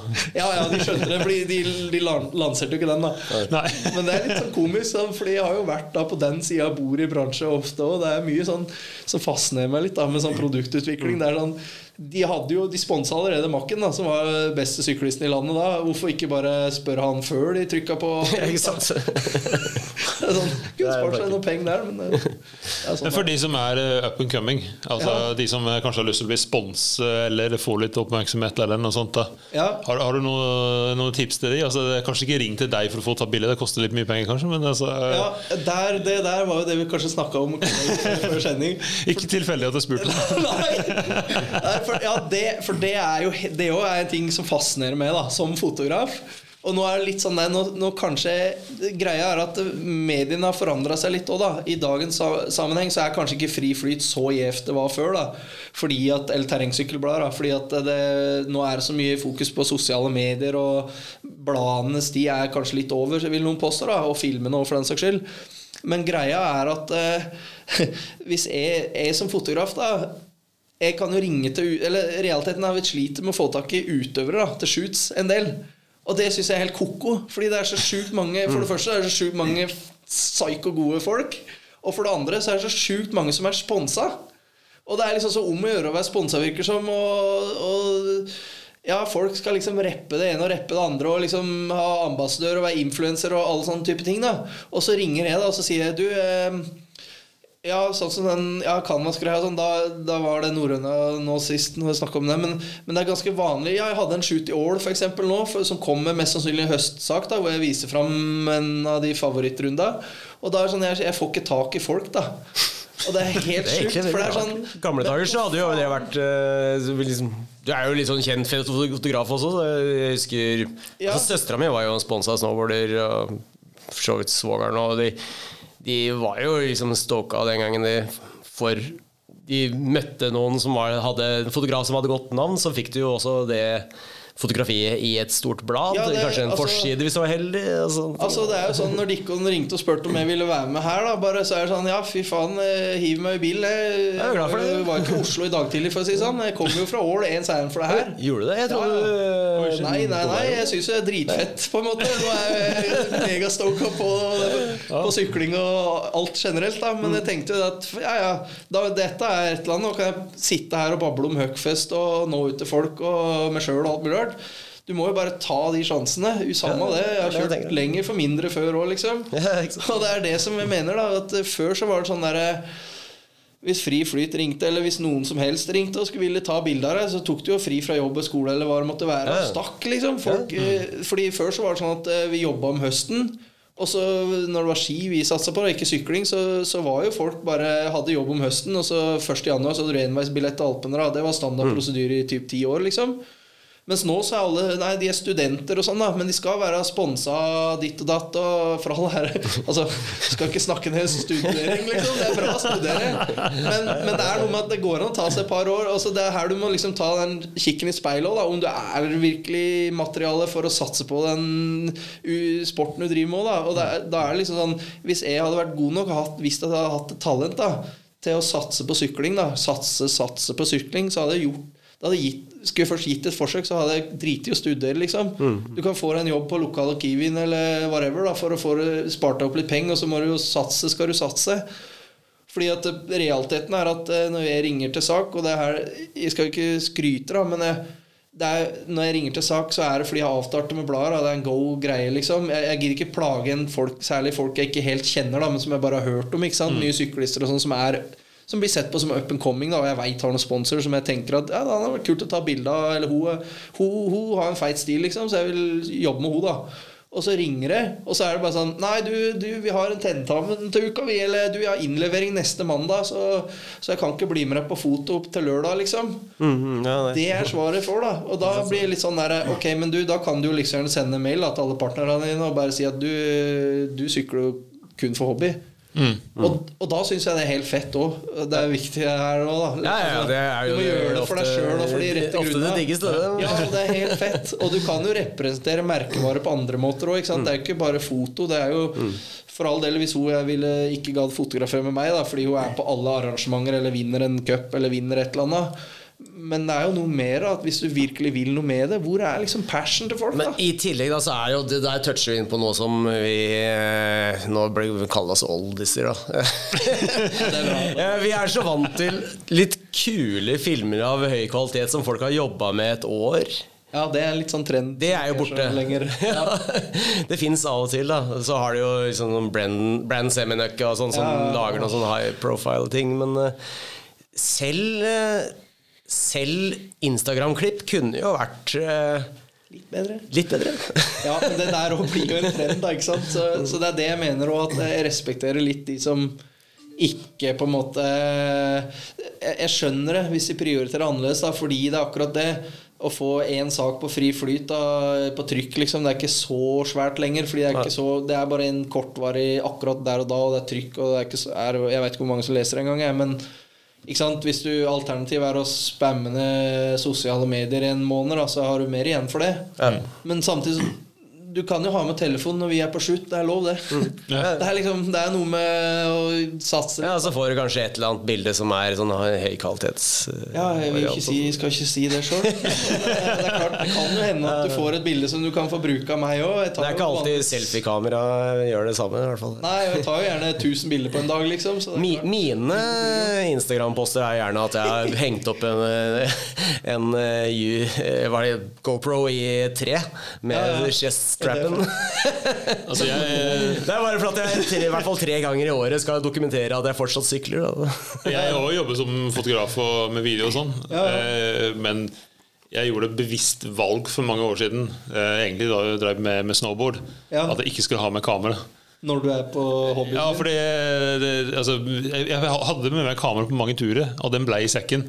Og da skjønte jeg at liksom, nei, det her er fritid min. Det, det her er det jeg syns er eh, altså, Det er min downtime, på en måte. Ja. Eh, og jeg har jo hatt med GoPro noen ganger, men eh, de filene de blir igjen på harddisken. Ja, ja, det, det er det som er litt trist. Jeg har jo ingen feriebilder, liksom. Jeg tar jo ikke bilder på tur med dama, for det er jo Gratis. jobb. Eller jeg holdt på å si, det er jobb å ta bilder, da. Jeg har ingen feriebilder og ingen bilder av meg sjøl. Nei, det er jo veldig dårlig, men jeg har begynt å sette litt pris på det. Jeg Altså, eksisterer blitt, ikke. blitt litt mer gubbe med åra, så nå syns jeg det er litt kult å ha bilde av meg sjøl òg, siden hvis jeg først gjør noe tøft, så skal han i hvert fall hele verden se det. Ja.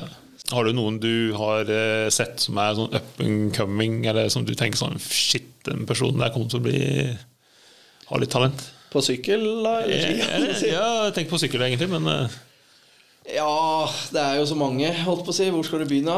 Det er jo Ja, det er nok å ta av. Starte har det, sør i Norge og gå nordover. Ja, ja, nei, det er jo, men det er jo en hel underskog. Det er, det er så mange at jeg syns det er vanskelig å holde oversikten. Det er heller problemet, nesten. Så, men jeg tenker jo det at eh, du har jo bare hele den der Mysenbrott-gjengen, da. De, Ja, De drar hverandre frem. den altså, der, de gjør det greit om dagen, for å si det sånn. Ja. Og det er jo liksom Det er litt det som jeg syns er litt kult, og det er det som jeg syns er litt trist med noe av det der eh, nyere dirt Jumps er hjemme på Ål og sånn òg, fordi vi hadde litt det samme gående med en veldig god gjeng. Men så daua det litt ut da, vet du, når det ikke ble noe vanskelig hopp i linja. Så, men, eh, men, men det handler jo Jeg, jeg syns det Jeg føler det hvis jeg skal se litt stort på, så syns jeg det, er, det handler mer om at det går litt sånn i bølger rundt omkring. på en måte At du ser at nå har de en greie på gang i Mysen. Brage jeg drar jo det lasset for hele Norge og hele verden akkurat nå med hva som er rått. Han definerer jo det, men, men du ser det liksom på geografien nesten. At det er sånn Jeg husker når vi var litt yngre og sykla utfor, f.eks., så er det sånn Folk som kommer fra Oppdal, f.eks., de er helt sjuke sjukt gode til å sykle, liksom. Det var en greie. Alle sykla der. Alle var helt sjukt gode i Norgescupen utfor. De er så sjukt råskaller, da. Og så har du Vi har hatt en generasjon på gang da i som, eh, med han eh, Anir Bråten og Theo og alle de gutta der som har vært skikkelig gode. Og Anir er jo på en måte et navn nå, da, som er liksom ja, han fortsetter å forbedre seg. ja, de, de fleste har jo fått med seg hvem han er, på en måte. Så han kommer fra det miljøet. Og så er det jo, det er jo her i Oslo så har du jo et miljø som er ganske bra, da, med på en måte Escory, og det er jo veldig mye sånn rittfokus og mye sånne ting som skjer her. Veldig mye bra rekruttering der. Så jeg syns jo det er bra over hele fjøla. Nå har jeg liksom ikke helt oversikt heller, da. Men du har jo liksom Kristiansand nå har jo hatt en veldig bra sykkelmiljø. Så det handler nesten mer om miljøet enn at jeg skal Ja. nevne enkeltnavn. For det er veldig lett å nevne enkeltnavn. Nå nevnte jeg jo Anir, da, siden han er liksom heimegutten, som det sier på norsk. Men, Men, eh, men det er jo sånn som, eh, som de sier, de som, eh, de som bor i Wisler-området og sånn De sier at hvis du drar i Wisler Bikeparken, så møter du sånn derre tjuetalls stykk som du aldri har hørt om, som er flinkere enn noen du noen gang har møtt. Ja, det jo Men sånn er det jo gjerne kanskje en del litt i Hafjell òg, sikkert. Er en del folk jeg aldri har hørt om som bare er local, så Ja, og det er jo det, og det er jo sånn all respekt til de. Det er nesten de som er det kuleste òg, da. Det er jo særlig for meg da, som fotograf, liksom. Som er veldig i bransja. Hvem er som hot, og hvem skal sponses, og hvem skal dit, og hvem tar du bilde av om dagen, og hva er det som gjelder, da. Og så er det sånn, Men jeg veit jo om en del andre som er ti ganger bedre. Ja, ikke sant? Men som er sånn, De har ikke en eneste partner, da for Nei. de bare gjør det for sin egen del. Og så er det veldig mange sånn som lett hater da, ikke sant, på at ja, Hvorfor han sponsa? Fordi at uh, den og den personen er så mye bedre eller er bedre og sånn. Og så er det, men så er det noen ganger at eh, det handler ikke bare om det. Da. Det handler jo om synlighet. ikke sant? Ja, det, er det, det, er det, er mange tar feil av. Du, Du blir ikke sponsa fordi du er flink, du blir sponsa fordi du har en verdi. Ja, det, altså, det er jo ren reklameplakat. Ja, ja, Det handler jo om å selge flere sykler. Flere Ja, det ja. merket, Ja, ja. Hvis det ikke var solgt noen flere sykler, så er det kanskje ikke noe særlig vits i å betale for. Nei, nei, og det, det, er- hjelper ikke om du er best i verden, da om du bare sykler i skauen i Mysen, liksom. Du må jo Instagram har gjort det litt lettere å nå ut og ha litt reach sånn sett, da, på godt norsk. Men, men jeg syns det er veldig respekt. Råeste er mange av de som er liksom de aller beste, som bare sykler for seg sjøl. Mm. Det er jo sånn, du har, jeg, altså, jeg kan nevne noen navn fordi det er morsomt, da men da er jo de navnene jeg har lyst til å nevne, er jo mer sånn som de litt eldre, da som er litt mer på min alder. Som er liksom Ja, du har ta Adrian Tell, eh, Robin Dolve, hele den gjengen, da. Alle disse Iver Bø, alle de Knut Løkåsen sjøl, liksom, sjefen i Hafel, alle de der sjuke De er litt eldre, så de er ikke talentfulle, men det er jo sånn Fy faen, når de gutta shredder i Hafjell, det er jo ingen som De pisser jo på alt alle andre, liksom. Telt har jo backeren i B-Rage med Hardtail, han, da. Han, han, han har noen samarbeidspartnere. Adrian Tell vel, kan, kan vel nesten si at det er talentfull. ja, det er greit. Nei, men de, de er jo liksom De er gode til å sykle, da, og de har jo på en måte um, Han har jo noen sponsorer, veit jeg, og er litt sånn der, da, men han jobber vel som lærer eh, om dagen. Jeg vet ikke helt hva han Nei, jeg vet ikke men, heller, Han var BMX-er i gamle dager. men de er liksom ikke Det er det jeg mener. Da. De satser jo ikke. Og er ikke sånn, de er sånne evige underdogs da, som bare er så sjukt rå. Og det, men det er jo Og så har du liksom kanskje kneppet enda under det òg, som er jo Det er jo sjukt mange. Og det er jo liksom ja, bare ta dere sjøl, da. Liksom. Det er sånn, jeg har jo sett på Instagram noen noe ganske kule sånn eh, tire taps eh, og noe shit som skjer der, liksom. Og det er sånn Ja, det er bedre enn hva jeg får til, liksom. Det er dritkult. Ja, jeg så, jeg så du hadde en uh, alley-up footplant i Ja, men jeg er det så jo nede med foten hele tida.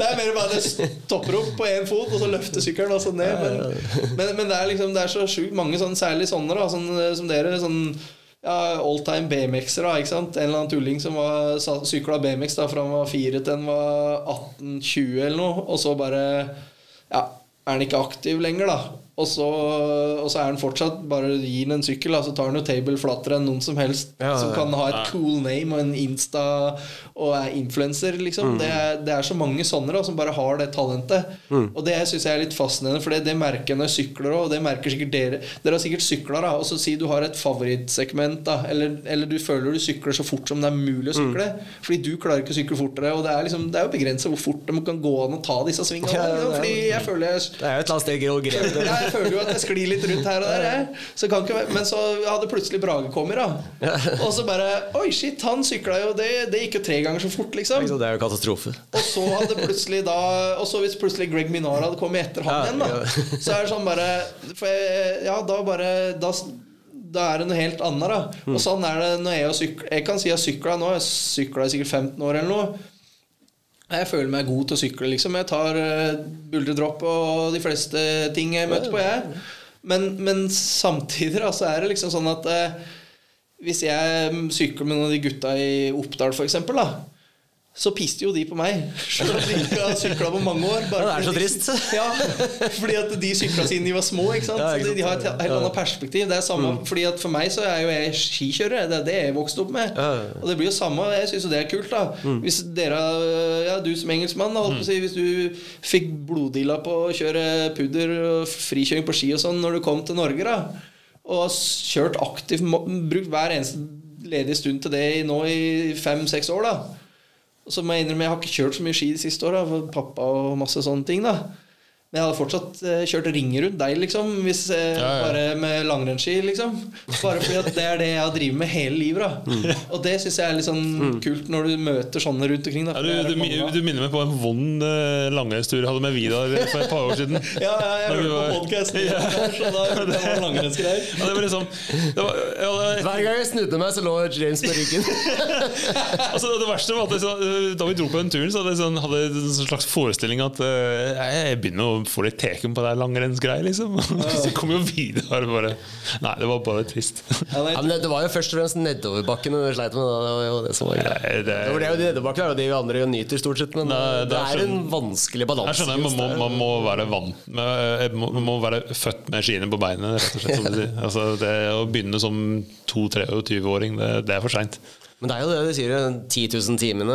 Ja. Eh, De, men de, de tar det tid å opparbeide. Altså. Tenk hvor lenge 10 000 timer det er. Jeg tror ikke 10 000 timer er så veldig nøyaktig antall, men eh, det er, en, det er et bilde på tror du trenger mer. Ja. Men, jeg, men jeg tror liksom det, det å tenke litt på med moralen i det her, er at jeg tenker liksom at folk må bare senke skuldra litt da og innse at det er ingen som er god. Holdt på å si Eller altså Ja, men ikke sant? Det, er- jo, det er jo, og så er det jo ikke så gøy å være god på noe. Det er jo gøy å ha progresjon. Ja, og Det det synes jeg er for bare kose seg, liksom. Folk Ja. må bare slappe av og chillen. Og det er det jeg mener med å, når du stikker med en konkurranse, så bare har det moro og Ja. Ja, men sånn som jeg var, drev med snowboard, og så hadde jeg lenge holdt meg unna rails. Ja, ja. Og så begynte jeg med det egentlig etter at jeg var passert 30. Ja. Og jævlig gøy, for jeg gikk jo progresjon fra null rails til eh, jeg, Jeg var jo ikke noen rail-konnissør, liksom, men jeg fikk jo til ting og kunne snurre litt rundt på det og sånne ting. Eh, ja, ja. Og så, ja. ja så det, det var jo bare progresjon. eh. Da kan du bare tenke på barna dine som har vokst opp med rails. Ja, ikke sant? Knut, en kompis hjemme, prata om det at han hadde lest en bok om at det var liksom om å gjøre å bare begynne med nye ting hele tida. Så Ja. hele tida hadde den hangen med liksom Ja, ja. hva som var kult. Da. Det å være nybegynner er jo et privilegium, Ja, egentlig. ja, alt er fett. Så, For du, du akselererer hele tiden. ja. Og så har du hele tiden en story hvorfor du ikke får til ting. Ja. Jeg klart ikke jeg kan ta et fire meter dropp. Jeg starta i fjor, liksom. Ja, det er bare å skylde på. Nå sporer det av litt her, da, men det er jo mange gode, ja. Det Mange gode syklister, og det er mange som må bare chille litt. Ja, men det er også, Bare for å gå videre på det Også, Det er noe som er, altså, er så kult med sykkel at eh, altså, Jeg har vært i Drammen f.eks. og husker første gang jeg tittet på enkelte ting ned 113. Ja, ja. Altså, det, var, det var bare no fucking way. Altså, det, det- jeg så på ting og sa det der kommer aldri til å skje. Men det gikk klasse. Bra. det var tomt. Nå ble det agitert. Jeg vifter med armen, og så tok jeg med glasset for de som, eh, for de som ikke ser på bare hører på. Men eh, vi begynner faktisk å må begynne å runde av. Selv Så vi kan sitte her hele kvelden og skravle. Og. Men, men da er det jo Det er alvor. alvor, ja. Da er det alvor, for at det er ingen som får lov å komme innom, eh, innom Motor B-poden eh, uten å ta en tur innom skriftestolen. Ja. Så eh, da er det bare å si eh, Kommer det sånn lydeffekt? Der, ja. Ei ekte dør. Velkommen inn. Tøft. Jeg trodde du la på det etterpå. ja, Men der er det. Det var det. Snakker i kortet her. Nå ødelegger du alt. Alle tror vi har faktisk et lite rom som man kommer inn ja, ja, og noen munker som Ja, ja, står og synger og Jeg visste ikke at du hadde mikken på døra. Når du gikk. Ok. Uh. Ja, hva jeg, ser, jeg ser at du er, du er en mann som bærer eh, Du har mange skjelett i skapet, og du bærer mye tyngde rundt med deg. Og så jeg tenker at du trenger å få lette litt. Ja. Jeg kjenner det ganske mye, så jeg har jo, jeg har jo to, egentlig. Jeg er litt sånn usikker, ser du. Jeg, jeg sliter litt med å velge én.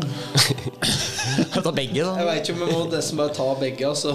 Fordi jeg er litt spent på hva som er verst, nesten. Den, øh, ja, jeg får begynne med den første. da Den er kanskje litt mer av de materialistiske synder. da Jeg har jo eh, slitt fordi det er mange som prater om sykla sine, og at de ikke har sykkel om dagen og sånn, vet du. Men så har jo jeg hatt den andre Jeg har fråtsa, rett og slett. Det er jo en dødssynd, det. Det er jo det. Jeg tenker meg om litt. Jeg har hatt i garasjen, vet du, så har jeg hatt en sånn Kenevo SL. Oh, Nice. Ja, apropos el, vet du. Jeg vet Ja, ja. ja. er det Du eller du som har Ryzen? Ja, vi, Ja, vi har, jeg har har Ryzen. Han har skaffa seg en Ja, elsykkel i løpet av vinteren. elsykkel, ikke sant. Det er jo, det er jo faen med framtida. Men eh, da, den er så sjuk, da. Det er liksom Greia med den er at jeg er overbevist om at det er den verdens beste sykkel. da Er det ganske digg, da. Og den er helt sjuk, da. Og den har jo en listepris på 115 eller noe. Det er så mye. Jeg har aldri brukt så mye penger på sykkel før, men greia var at jeg filma litt og hadde en deal. Altså jeg basically fikk en ganske god deal på den, da. Så jeg, jeg, jeg skaffa meg en sånn en. La oss si det sånn. Jeg skaffa meg en sånn en. Men jeg, jeg har ikke turt å bruke den. Nei, eller altså Jeg har jo turt å bruke den, da. Og sykkelen er jo helt sinnssyk, liksom. Det, men han er for bra for meg, så jeg har fråtsa. Jeg har hatt en Knevo SL i garasjen stående som jeg har sykla nesten ikke noe turer på. Så du bare sitter og konserverer? Og jeg, ja, jeg, har- jeg har ikke turt, da, fordi at jeg er så redd. Hver gang jeg sykler den, så føler jeg at liksom Shit, eh, den er for dyr. Jeg kan ikke, hvis jeg tryner nå, så skroter jeg hele dritten. Liksom. Så, så, så om 10 000 år, når arkeologene graver Ja. opp i ålet i Hallingdal Nei, nei så, så jeg har solgt den, da. Det skal sies. Det det, Så jeg har solgt den. Jeg hadde den en kort periode, men det er det som er synd. Liksom. Jeg har hatt, jeg har hatt så sjukt bra sykkel. Jeg har Så, så dyr sykkel. Altfor dyr for meg. Og jeg har blitt en sånn kis da, som Jeg er han da som har den råeste sykkelen, som ikke sykler. Nei, det er fælt. Og det er bad, da. Du kan ikke ha en så drøy sykkel uten å bruke en. Nei, Hvis jeg først har gått ut for en tannlegesykkel, så må det Og så blir det verre, vet du. Og så blir det verre. Nå går vi gradvis over i toeren, holdt på å si. Det, eller Er dit vi beveger oss. Nummer to. Jeg må bare få det av hjertet første gang. Det er jo da at eh, jeg har hatt den sykkelen. Men så er det et annet av de ti bud, da, som er at du skal ikke ha andre guder enn meg. oh. Ja, og Det er i hvert fall å banne i kirka nå, som vi er ferdige her. Dere har brukt deres kvalitetstid på meg. Men akkurat nå så jeg lurer liksom på Jeg lurer nest, Ikke liksom, jeg lurer på ekte. På om jeg kanskje nesten blitt mer interessert i klatring. I alle Oi. dager. Men Ja. det, det, er, Ja, det er, det er.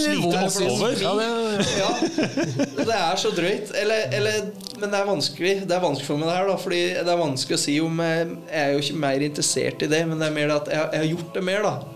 Jeg har synda, liksom. Jeg har, jeg har andre guder, da. Jeg har klatra mye mer enn jeg har sykla. Jeg er ute etter progresjonen igjen, da. Men er bare jeg, en jeg skylder på tida, egentlig. Det er så mye lettere vet du, å bare stikke i garasjen og klatre. Men det fins ikke en sånn eh, klatre-enduro-serie der du må komme til toppen og så ta litt tid på hvor lang tid du bruker ned igjen? Nei, det er ganske lett å komme ned igjen. Det vanskeligste er å komme opp. Men, men, altså, Det var ikke så mye progresjon der heller, vet du. Så det er dritt. Ja, men her, her er jo straffen veldig enkel å forutsi. Da. Det, er, det er jo en, ene, selvfølgelig. Du har jo tydeligvis ikke i ditt liv kjørt nok i Lyker, altså det, det må du ha på deg. Men du må jo klatre med, med elsykkel på ryggen. Ja, nå har jeg solgt den, da, så det er litt vanskelig. Ja, Du får låne en. Ja, kanskje. Ja, ja. Men ikke en kniv eller noe for lett. Men det er ganske bra klatretrening. Da, så jeg vet Ja, Det er veldig bra klatretrening, men eh, det er jo, vil jo kanskje hemme deksteriteten litt. grann. Ja, Kanskje bli litt glad i sykkelen igjen da, ja. Ja, ja, altså Til slutt så vil du jo få litt lyst til å Altså Det går jo å klatre med sykkel. da. Det kalles jo klatring oppover. Ja, jeg veit ikke. Ja, jeg, jeg kan gjøre det, altså, hvis det er straffen. Ja, det må jo være Ja. Ja. Og jeg tenker at du må, du må klatre til toppen, og så må du sykle ned med alt klatreutstyr rundt deg. Ja. Eh, og og, og du, må, du må også treffe noen du, i sykkelmiljøet du kjenner. Okay. Og så når du sykler nedover, så må du bruke klatrehjelmen Ja, eh, når du sykler sykler ned. For jeg vet at de klatrehjelmene de er ikke noe særlig kul. Nei, det er ikke så veldig sikre heller, så det en rolig tur. Men til alt hell da så er jeg jo 510 som lager klatresko også. Så, ja. Ja, ja. Og så får jeg, også, jeg må liksom unnskylde meg litt da med at det, den sykkelen fikk en ganske seint, da. Som et par andre. Så jeg, det er fortsatt håp for meg. da Jeg er ganske gira på sykling, egentlig. Vi satser på det. Etter at du klatra nok høydemeter med sykkel på ryggen, så blir det jo litt fristende å kjøre ned igjen. Men det blir kanskje ikke fra den eh, klatreveggen i garasjen, eller hva du har? da Nei, og så tror jeg egentlig at ja, det blir nok eh, Det blir godt å sykle litt igjen. Ja, ikke sant? Og så vi må hive inn uh, ti av Marie, tror jeg. Ja, det må vi alltid. Ja, ja, Minst. ja, ja. Men jeg hørte rykte at du hadde kanskje en liten premie. Ja, steike det. Men Ja. Jeg har du kjær, da. Eh, ja, eh, vi driver med, driver med denne festivalen, da, så har vi veldig lyst til å dele ut et par festivalpass. Så Ja, fantastisk. det er det. fett. Så eh, jeg tenker at eh, måten vi gjør det på, er egentlig så enkelt som at dere må nesten bare legge ut en post på Instagrammen deres, tenker jeg. Så alle må gå inn og følge OTB-podden. Veldig, veldig bra. Og så må de gå inn og kommentere et eller annet, eller noe sånt der, da, og de må like det ene og det andre. Men jeg tenker at eh, konkurransereglene blir forklart i den Instagram-posten. Ja. Det er den profesjonelle måten å si Det det, er her den på. eneste måten å gjøre det på. vi gjøre. Så jeg tenker at vi sier det sånn at eh, er ikke det ryddig?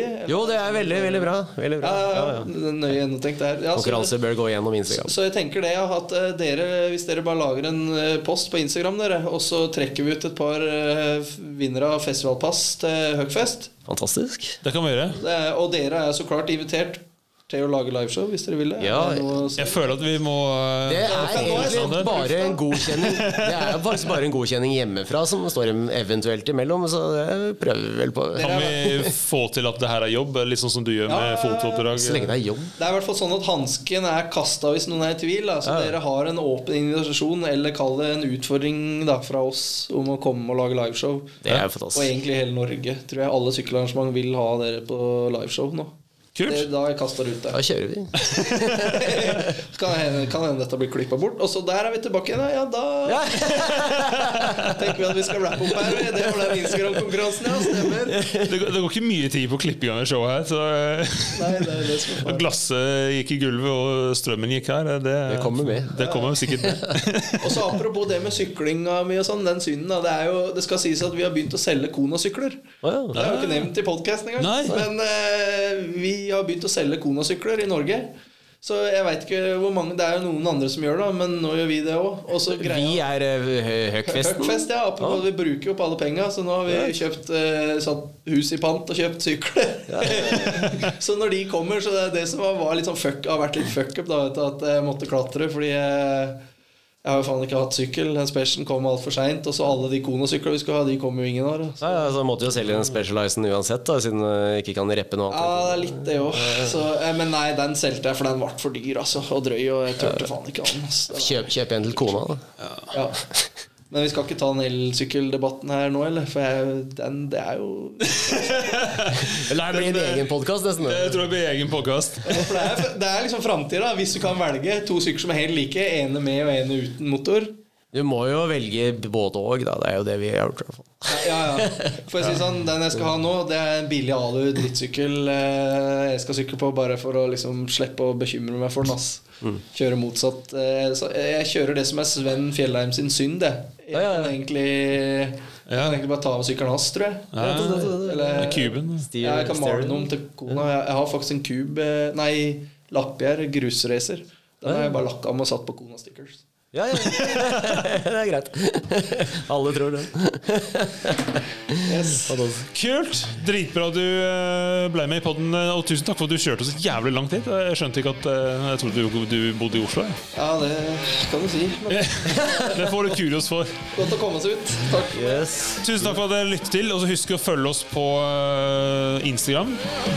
OTB-podden. Også igjen, vi har jo en konkurranse, så følg med der. Og så kommer litt mer info der. Og så ses vi om ikke så veldig lenge. Det blir ikke fire måneder til neste gang. Om vi ses, eller i hvert fall høres Ja, Eller ses i skogen, skogen Ja.